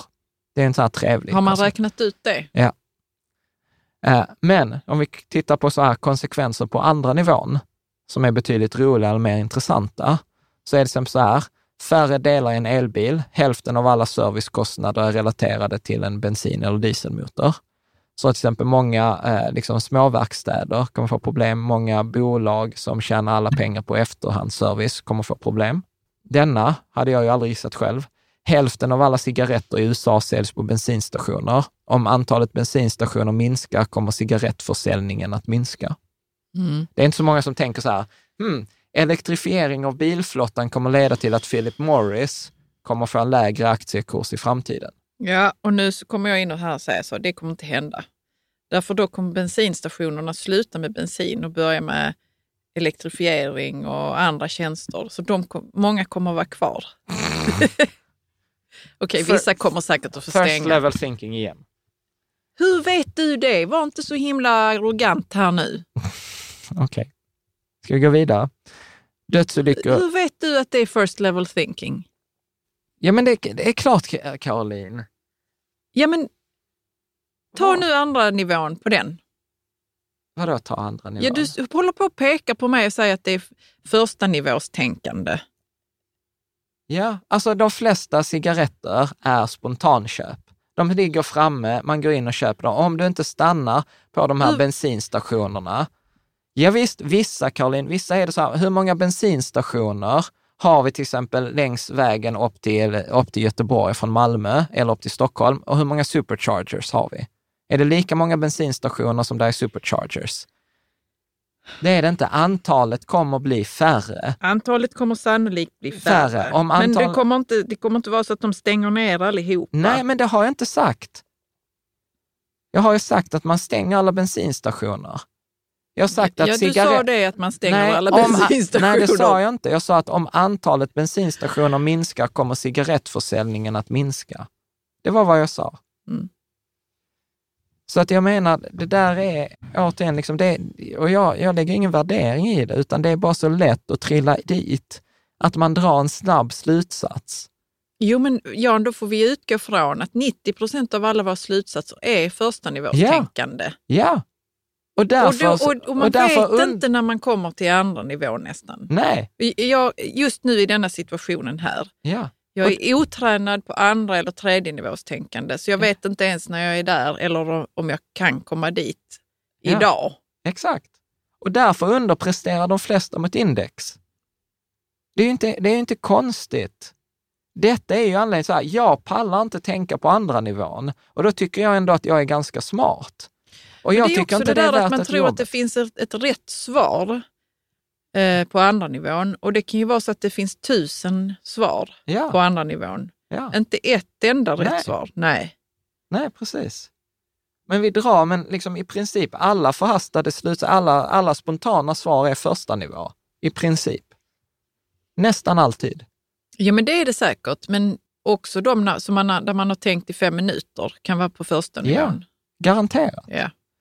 Liksom, och det är det jag menar, om det är, och då tänker jag så här, om det är detta som krävs för att slå index, jag är fan nog inte en av dem som, som, som Nej, klarar fast detta. du har ju gjort det med, med Storskogen var Ja. det ju så att du gjorde jobbet ja, och hur mycket, så mycket du kunde. ja, väl. och hur mycket tid har jag lagt på det de senaste två åren? ja, rätt mycket tid. Ja, liksom, typ, Jag tror det är så här, man kan inte tänka på andra nivån utan att behöva börja ta reda på saker. Aj. Kan det inte vara så? Alltså Karin, alltså du vet, för, mig blir det så bisarrt. Alltså så här, att ta reda på grejer är en fucking förutsättning. Alltså förlåt ja, att jo, jag men svär. Förlåt Alltså, att jag säger detta här nu då. Att jag inte har tänkt så himla smart som du har. För nu fick jag den insikten, jag kan inte tänka på andra nivån utan att börja ta reda på saker. ja, men det var ju det Ja. vi var inne på till exempel när du sa om leveranskedjor med ICA. Ja, Att du, behöv, du behöver, det, det är asmycket jobb och, och, och, det är bara faktan. Ta, Jo, men kolla ta, här, Nej, men, har- nej, jag får prata till punkt nu. Ta reda på faktan, det är ju det enkla. Alltså så här, ta reda på leverans. Det är mycket jobb, men det är enkelt och du får ett rätt svar. Problemet med second level thinking är att det är sjukt många grejer du inte ens kommer få rätt svar på. Som är så här, vad är konsensussynen? Hur tolkar andra denna information? Vilken information har inte andra? Det är ju frågor du inte ens kommer få svar på. Jo, ja absolut. Jag skulle bara säga det att vi har suttit här i detta avsnittet, kommit närmare något som liknar andra nivåstänkande i de här exemplen. Ja. Eh, där man måste börja ta reda på saker. Och sen eh, så förtränger jag den informationen, som jag, den Ja. insikten, för att sen få den igen. Jag Ja. behöver ta reda på saker. Ja. Förstår du eh, Ja, f- va- att, är, att man vill inte ge sig på det? Liksom? Nej, varför tror du jag rekommenderar indexfonder och fondrobotar? Ja, men jag vet varför vi gör det, Jan. Men Ja. det, är, det är, Jag tänker så här, för dig som är intresserad av andra nivåstänkande, så, så ehm, jag tror att det finns en bra grej med att göra jobbet. Ja, alltså klarar du detta? För detta är ju inte det något de flesta gör. Detta är ju så här, think differently, alltså tänk annorlunda, tänk bättre. Tänk Ja. bättre än andra och Men- då kan du tjäna pengar på det. Ska vi gå vidare? Mm, men tänk då om man tänker så här, men det är alltid så himla komplicerat, jag skiter i det. Ja, men det är Då komplicerat. har man liksom inte gjort sin hjärna en tjänst riktigt. Ja, men nu har du en åsikt kring att detta är bättre, att det är bättre att Ja. tänka på andra nivån än tänka på första Det, nivån. det, det, det tycker jag. Ja, och det är inte sant. Det är en värdering, Caroline. Det är inte rätt eller fel, bra eller dåligt, sant eller falskt. Nej. Det är en värdering som du är smart, du gillar att använda din hjärna, du är rädd för demens. Ja, Då är det, en ganska stämmer. natur, det är en ganska naturlig slutsats, men det är ingen naturlag. Nej, det är Jag- ingen naturlag. jag- men jag du behöver det- inte dissa, dissa Nej. min värdering här live. Nej, Vi kan klippa bort detta. Nej, jag Nej, för jag tycker det är pinsamt när du dissar mina jag slutsatser. det. Och så känner jag så att det är jobbigt för att eh, du säger så här, men det stämmer inte. Nej, och så men- tänker jag så, fuck you! ja. Och, det, vi kan ta det utanför det här. ja. Mm. Men Caroline, det är, jag går ju inte ens dit. Vilket? Att jag tycker att det, jag blir bara så, "Ah, jag är trött, jag går och äter glass. Liksom. Var är det du inte går någonstans? second level thinking, jag tycker ju detta är asjobbigt Jo. att tänka så här. Jag förstår ja, men du är också smart. Ja. Så varför går du inte dit då? För att det är jobbigt. Men det har väl aldrig hindrat dig? Jo, för det är jobbigt och jag vet inte om jag kommer ha rätt. Alltså så här, om vi tar storskogen nu. Alltså vi, vi har ju delar kvar här i detta avsnittet. Det är sjukt jobbigt att gå emot konsensus. Sjukt jobbigt. Att ha en avvikande åsikt än alla andra och dessutom ha den åsikten offentligt. Att inte och veta, har massa pengar ha involverat massa i det. pengar involverade i det. Dessutom som jag gjorde, att vi, vi skickade ut den analysen till alla på Patreon och sa så här, finansmedia har fel, vi tror att detta kommer vara en bra affär. Är ni med? Alltså så här, jag pallar inte utsätta mig för det. Jag har inte de cojones. Liksom. Men du har gjort det en gång. Ja, och jag kommer aldrig göra om det igen. Förmodligen inte. Nej, men kan du fattar inte? Alltså du vet så här, Nej, jag förstår det. du har ju jag sett vilket dig. jävla vrak jag har Och jag, varit. jag, det var inte, liksom, jag såg vilket vrak du var. Ja. Ja. Ja. Så att, så att nej, jag, Men jag tycker så att det var skönt att du fick vara vrak. Nästa gång är du inte samma vrak. ja, nej, jag tänker inte utsätta mig för det igen. Nej. Ja. Eh, Okej, vi går vidare nu då. Ja, så vi har elektrifiering eh, här. Av bilar. Ja. Dödsolyckorna kommer minska, 35 000 eh, människor kommer dö mindre. Vilket också är intressant, vad blir följden om cigarettförsäljningen minskar? Då är det 500 000 människor som kanske kommer eh, dö. Ja, eh, men detta mindre. har vi ju sagt. En miljon människor färre kommer dö i trafikolyckor. Och så här kommer dödsolyckor i trafik i USA. Nej men precis Karin, vi sa ju så här, en miljon människor dör i trafikolyckor om året runt om i världen. I USA Ja. är det 35 000. Mm. Men där dör ju 500 000 om året i tobaksrelaterade. Om tobaksförsäljningen minskar så kommer det ju dö färre av de där 500 000. Ja. Så du kommer ju få andra effekter. Vad innebär det om den dödligheten minskar? Vad kommer det få för påverkan? Vad kommer det hända om människor dör längre? Vilka företag kommer tjäna pengar på att det blir fler äldre? Alltså du vet så här, där är ju effekter i flera led.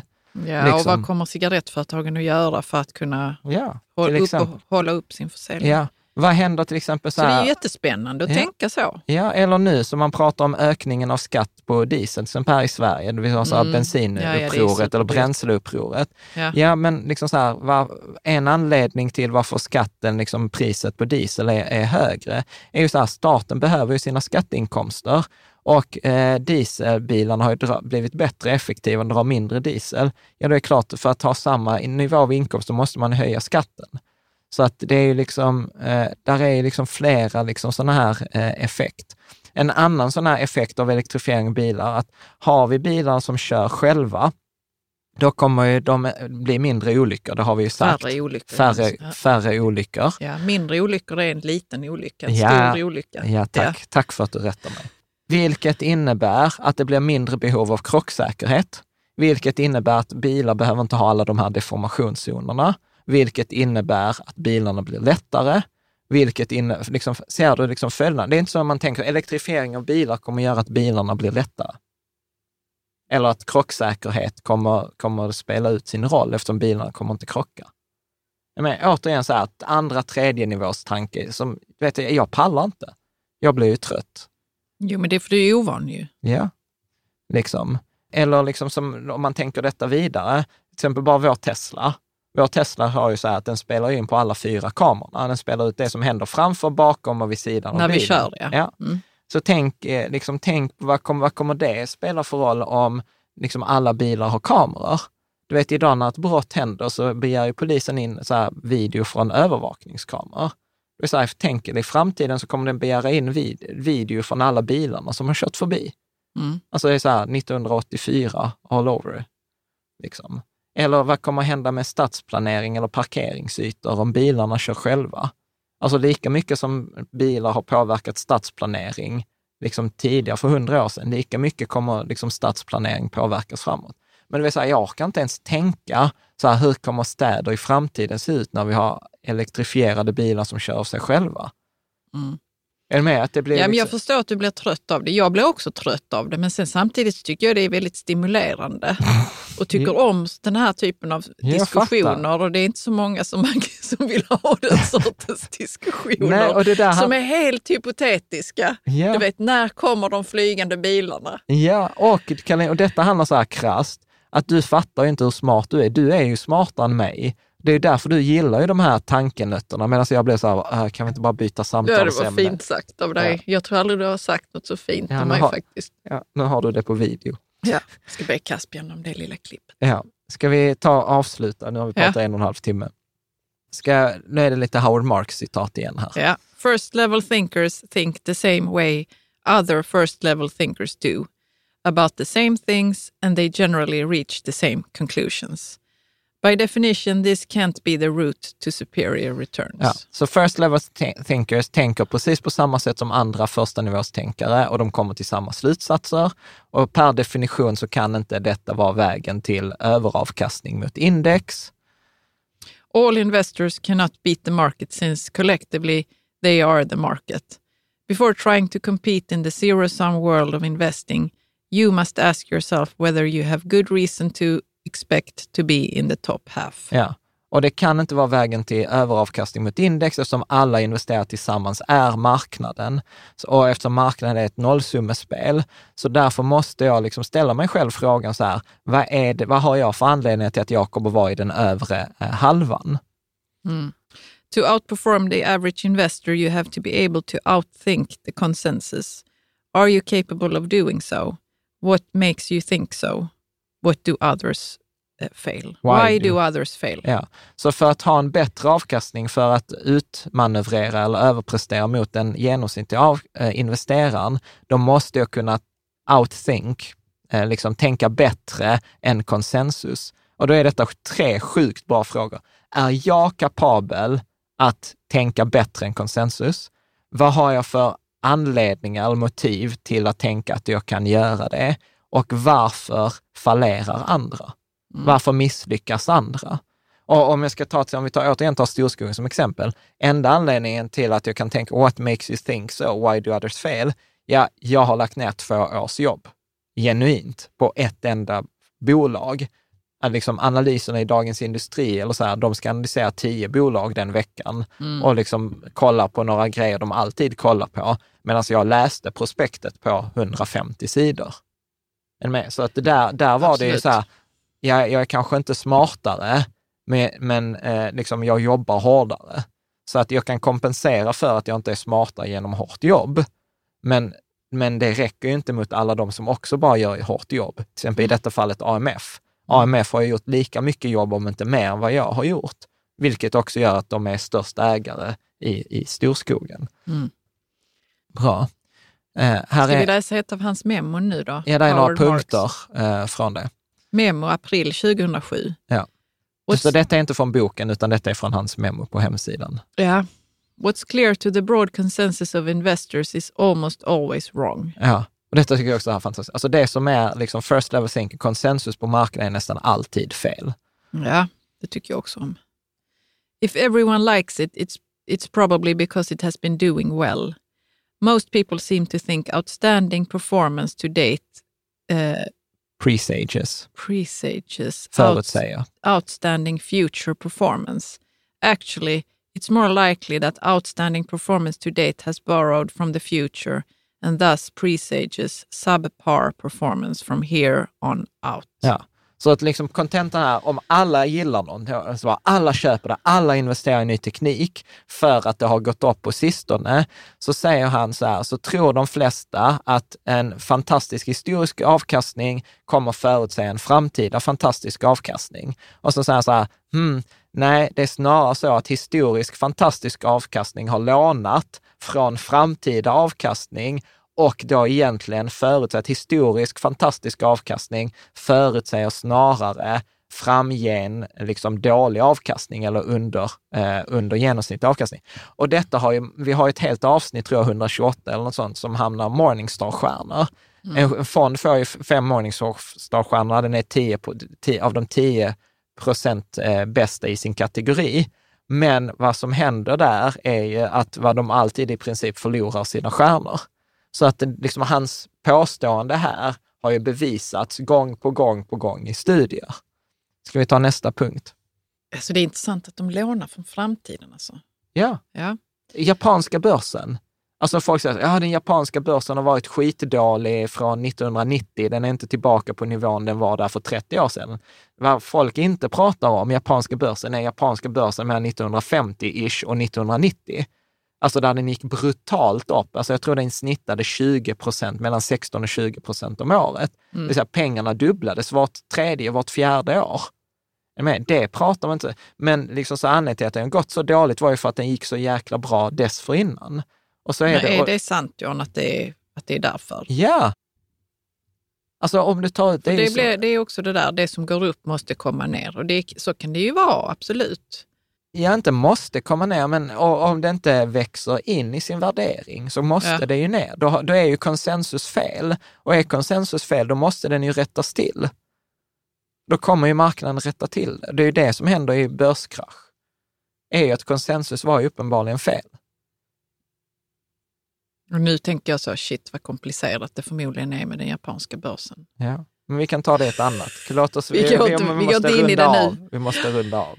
If, uh, nu ska vi se, var var vi nu? If everyone likes it, it's likely that the price has uh, risen to reflect a level of adulation from which relatively little further appreciation is likely. Sure, it can go from overvalued to more overvalued, but it wouldn't count. But I wouldn't count on ja. it. Eller hur? Så att eftersom liksom pris, om alla gillar det så är det för att priset har gått upp om priset har eh, gått upp så är det liksom sannolikt att det kan inte öka jättemycket mer därifrån. Sen säger han så här, ja visst, det kan gå från övervärderat till ännu mer övervärderat, eller det som han kallar greater fool theory. Jag kan hitta någon större idiot än mig själv att sälja detta till i framtiden. Men det är inte en bra, det är inte, säkert, det är inte en bra strategi för framtiden. Ja. If everyone likes it, it's uh, likely that the area has been mined too thoroughly and has uh, seen too much capital flow in for many bargains to remain. Ja. Så om alla gillar det så har det säkert varit jättemycket eh, liksom uppmärksamhet, man har grävt i detta jättemycket, det har flutit in jättemycket kapital och då är det inte så många bra köp eller bra, många bra möjligheter. Till exempel som jag läste nu på, på någon artikel om fintech, alltså så här onoterade bolag, startupbolag inom finans. Där det var någon som skrev så här, att om du inte får riskkapital till din idé idag, då, då är du kass i huvudet. All, allt blir finansierat idag, för vi har haft de här Klarna, vi har haft de här stora liksom, bolagen som har fått jättemycket kapital. Så det är jättesvårt att hitta någonting. Till exempel vi blev ju erbjudna Klarna förra året på, på Patreon. Innan som, det börsnoterades. som, som saminvestering. Ja, det har inte börsnoterats än. Shit, Och- det trodde jag. Förlåt mig. Nej, nej, Nej, och, och, och, och, och vi tackade nej. Vi tackade nej till den posten. För jag sa, det har ökat tre gånger i värde på sex Redan. månader. Redan. Ja. Ja, och sen naturligtvis, eh, så vi tackade nej. Och eh, sen så köpte ju Softbank in sig och det har ökat ytterligare en gång. Så att vi hade fel, men i min, i min värld så gick det från overvalued till ännu mer overvalued. Sen kan det mycket väl vara att jag har fel i Mm. detta, att jag har liksom, jag, jag, återigen Men missuppfattade vi har ju jag inte satt oss konsensus. in i Klarna. Ja, eller vi vi gjorde inte- det. Jag, Gjorde jag, ni en ja, eh, super... Innan boken, Ja, ni hade läst boken. Ja. Ja. Men, men det var liksom, det var dyrt redan då. Men Ja. återigen, jag Ja, tror att misstaget, miss, det som är väldigt smärtsamt uppenbart för mig, är ju att jag tittar isolerat på investeringar. Jag tar inte hänsyn till konsensus. Det, det är min, min fetläxa liksom. Men är, är det inte kul liksom att eh, Nej. se så här, okej, det, det finns en aspekt jag kan... eh, Nej. Jag tycker inte detta är kul, Caroline. Alltså genuint. Jag blev bara frustrerad. Ska vi ta nästa punkt? If everyone likes it, there is significant risk that prices will fall if the crowd changes its collective mind and moves for the exit. Ja. Så om alla gillar det så är liksom det en stor risk att priserna kommer falla när konsensus ändras och folk liksom rör sig för eh, exit. Eh, liksom. Och då, då är vi inne nu på slutet här, att non-consensus forecasts. Ska Ja. du ta det? The problem, problem is that extraordinary performance comes only from non-consensus forecasts. But non-consensus forecasts are hard to make, hard to make correctly and hard to act on. You cannot do the same things that others do and expect to outperform. Och detta är liksom så här nyckeln. Alltså detta är, det är så sjukt. Alltså innan man har tagit en åsikt som inte är konsensus, alltså man vet inte vad det innebär. Det är svårt att göra en analys som inte är konsensus för att du behöver göra allt jobbet. Du behöver liksom hitta dessutom grejerna som inte är konsensus. Det är lätt att göra misstag för att man, det är lätt att någon annan borde ha gjort rätt. Och sen ännu svårare att agera på. Och man kan ta detta i det som vi kallar så här, eh, åsiktskorridoren i Sverige. Det var ju så här många som hade till exempel en icke-konsensusåsikt om invandring och de fick hur mycket skit för det. Och det Sen- var, detta var några år sedan. ju. Ja, liksom. Men på samma sätt så här, som man skriver så här, cannot, du kan inte göra samma sak som alla andra gör och förvänta dig att du får ett bättre utfall. Att göra samma sak som, eh, det, som du alltid har gjort och förvänta dig ett nytt resultat är ju första tecken på dårskap. Ja, men vad var det du tänkte med det här med invandringspolitiken? Nej, men att det är jättesvårt att ta en åsikt Som går stick i som stäv. går i stick i stäv med det som är konsensus. Att ställa, för vad du gör är att du ställer dig utanför flocken. Och, Ja, det- och, och, och, mentalt är vi människor inte gjorda för att stå utanför flocken. Det är därför jag har varit ett vrak i många sådana här situationer. Liksom. Ja, jag tycker det är ett extremt intressant ämne. Eh, hur man kan stå utanför flocken och vad som krävs av en och vilka typer av människor som gör det och Ja. hur man pallar det. Alltså, ja, det är jätte, jätteintressant. Ja, Vi behöver inte ta det nu. nej. Jag får väl prata med någon om det. Eller vi får, får ta upp det i ett annat avsnitt. Ja. Ja, Ja. Men, men eh, det roliga med det är ju att eh, det fanns ju de som, som hade en eh, åsikt i politiska Sverige då om att vi ska inte ta in fler invandrare, vi ska göra andra grejer. Och då var det fruktansvärt impopulärt och idag är det eh, konsensus. Ja. Så att eh, det som går stick i stäv och som, som har liksom kanske pengarna på sin sida ändå, Ja. det kommer bli konsensus till slut. Ja. Det är min tes. Ja.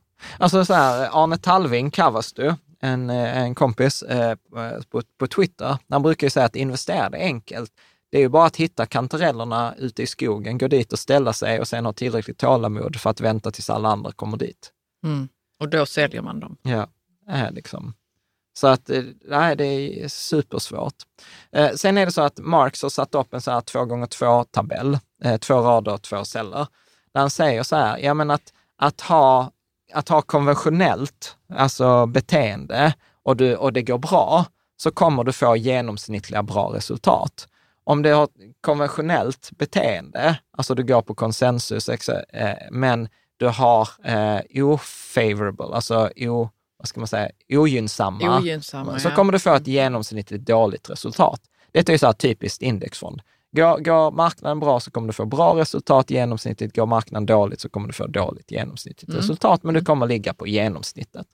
Att vara okonventionell, att gå mot konsensus, har du rätt så kommer du få bättre avkastning än index. Men har du fel så kommer du få sämre avkastning än index. Och detta är också superintressant, men jag hade kunnat göra ett långt sidospår om fondförvaltning. Är du fondförvaltare på en storbank, då vill du inte ha unconventional behavior, för att liksom uppsidan i att tjäna lite mer är väldigt liten i förhållande till risken att förlora mot index, att avvika för mycket mot index. Så att då håller du dig nära. Hellre då ha ett genomsnittligt lite bra eller lite dåligt resultat än att våga göra den stora vinsten eller den stora förlusten.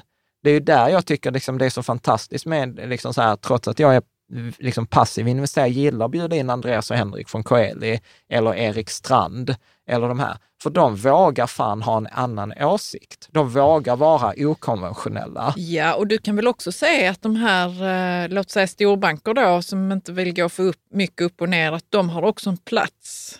Liksom. Ja, det kan vi ju diskutera. Ja, Liksom. men Ja, men det är så här, jag jag betalar... kan säga det att de har en plats. Ja, jag, jag ser ju ingen anledning att sätta pengar i dem. Nej, jag ser Ah. inte heller det, men vissa Och kommer då- ju då- då att tycker tycka jag inte- att det är värt det, att liksom inte gå för mycket upp och ner. Ja, men Då- jag, jag fattar, Ja. men jag tar perspektivet som mig som investerare. Varför ska jag lägga pengar sånt? Hellre, antingen så köper jag index och vill jag avvika mot index, ja men då tror jag till exempel på Andreas och Henrik eh, och, och, eller Erik Strand. Men då tar jag också risken för att kunna få above average results, så tar jag ju risken att få below average results också. Mm. Och det är det som jag tycker är så fräscht med dem, att de vågar. Erik har ju en väldigt tydlig ställning. Har, får han en favorable outcome, alltså då han kommer tjäna pengar som gräs. Har, har, han, har han fel, då, då är det ju minus 50 procent. Alltså, eh, bra. Så jag tänker att vi har nu de sista bilderna här. Ska, vi, ska du läsa här, sista? Mm. For your performance to diverge from the norm, your expectations and thus your portfolio have to diverge from the norm, and you have to be more right than the consensus.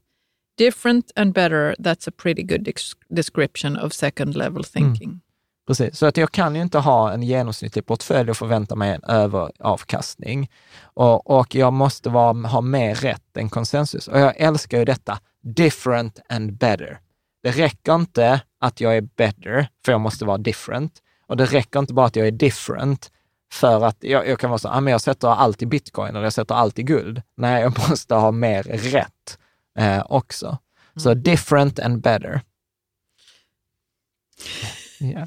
For your performance to diverge... Nej, nej, nej, den har Nej, du läst. Those Eh, who consider. Those who consider the investment process simple generally are not aware of the need for... eh, vad står det igen? Of the need for, For. Ja, det är jag som stavat fel. Or even the existence of second level thinking. Thus, many people are misled into believing that everybo- everyone can be a successful investor. Not everyone can. Så att det är roligt. Alltså så att, eh, detta kan ju vara så här lackmustest, du som lyssnar, pallat lyssna ända nu. Att när du pratar med de där som ska slå index, hör liksom hur de tänker kring second level thinking. Har de inget second level thinking, så spring därifrån. Eller framförallt, ta inte råd från dem. Eh, liksom.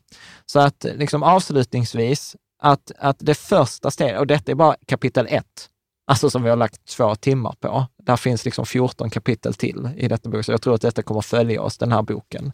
Ja, det Eh. Eh, att det handlar om att tänka annorlunda och tänka bättre. Eh, och detta blir till exempel roligt för så här värdeinvesterare. Ja. För du vet, värdeinvesterare har ju en konsensus att genom hårt jobb och genom att titta på nyckeltal och ha margin of safety och olika kvoter, P-tal, PS-tal, PB-tal, att det jobbet kommer löna sig. Men är det tillräckligt annorlunda? För det tänker ju alla andra värdeinvesterare också.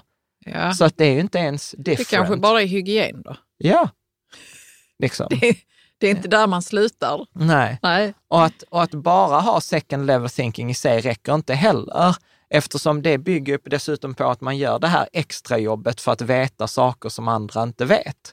Alltså att det som vi pratade om innan, att lägga ner jobbet. Mm. Eh, och, och många gånger så behöver man ju liksom hjälp, ha hjälp av andra eh, liksom kring det här. Eh, och att verkligen det som man ofta läser i media eller i andra analyser, det är ju ofta bara first level thinking. Mm. Eh, liksom. Bra, nu har du bläddrat vidare i boken ser jag. Detta var Jag ska bara säga vad det var fler för kapitel här. Ja. Ja. Vad tänker du? Ja, det var spännande. Ja, vad bra. Jag ska läsa boken. Eh, ja, detta var ett långt avsnitt. Jag hoppas att, eh, att du uppskattade det. Eh, gå gärna med eh, på, liksom, vi kommer diskutera boken på Patreon.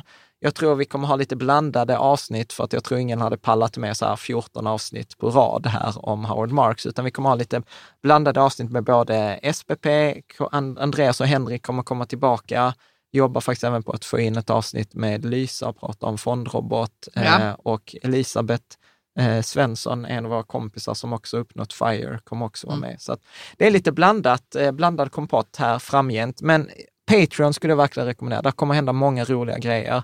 Har bland annat en, eh, en fika tillsammans, så här digitalt möte med eh, en av cheferna på Coeli där vi kommer att prata om private banking på riktigt och family office och lite annat roligt. Och lyssnar du på detta avsnittet efter att det, det har varit på Patreon så är, spelas de in. Så man kan alltid se dem i efterhand. Så att det vore väldigt roligt att ses där.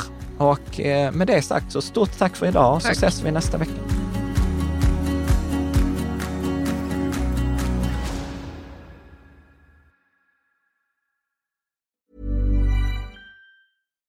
Hi, I'm Daniel, founder of Pretty Litter. Cats and cat owners deserve better than any old fashioned litter. That's why I teamed up with scientists and veterinarians to create Pretty Litter. Its innovative crystal formula has superior odor control and weighs up to 80% less than clay litter. Pretty Litter even monitors health by changing colors to help detect early signs of potential illness. It's the world's smartest kitty litter. Go to prettylitter.com and use code ACAST for 20% off your first order and a free cat toy. Terms and conditions apply. See site for details.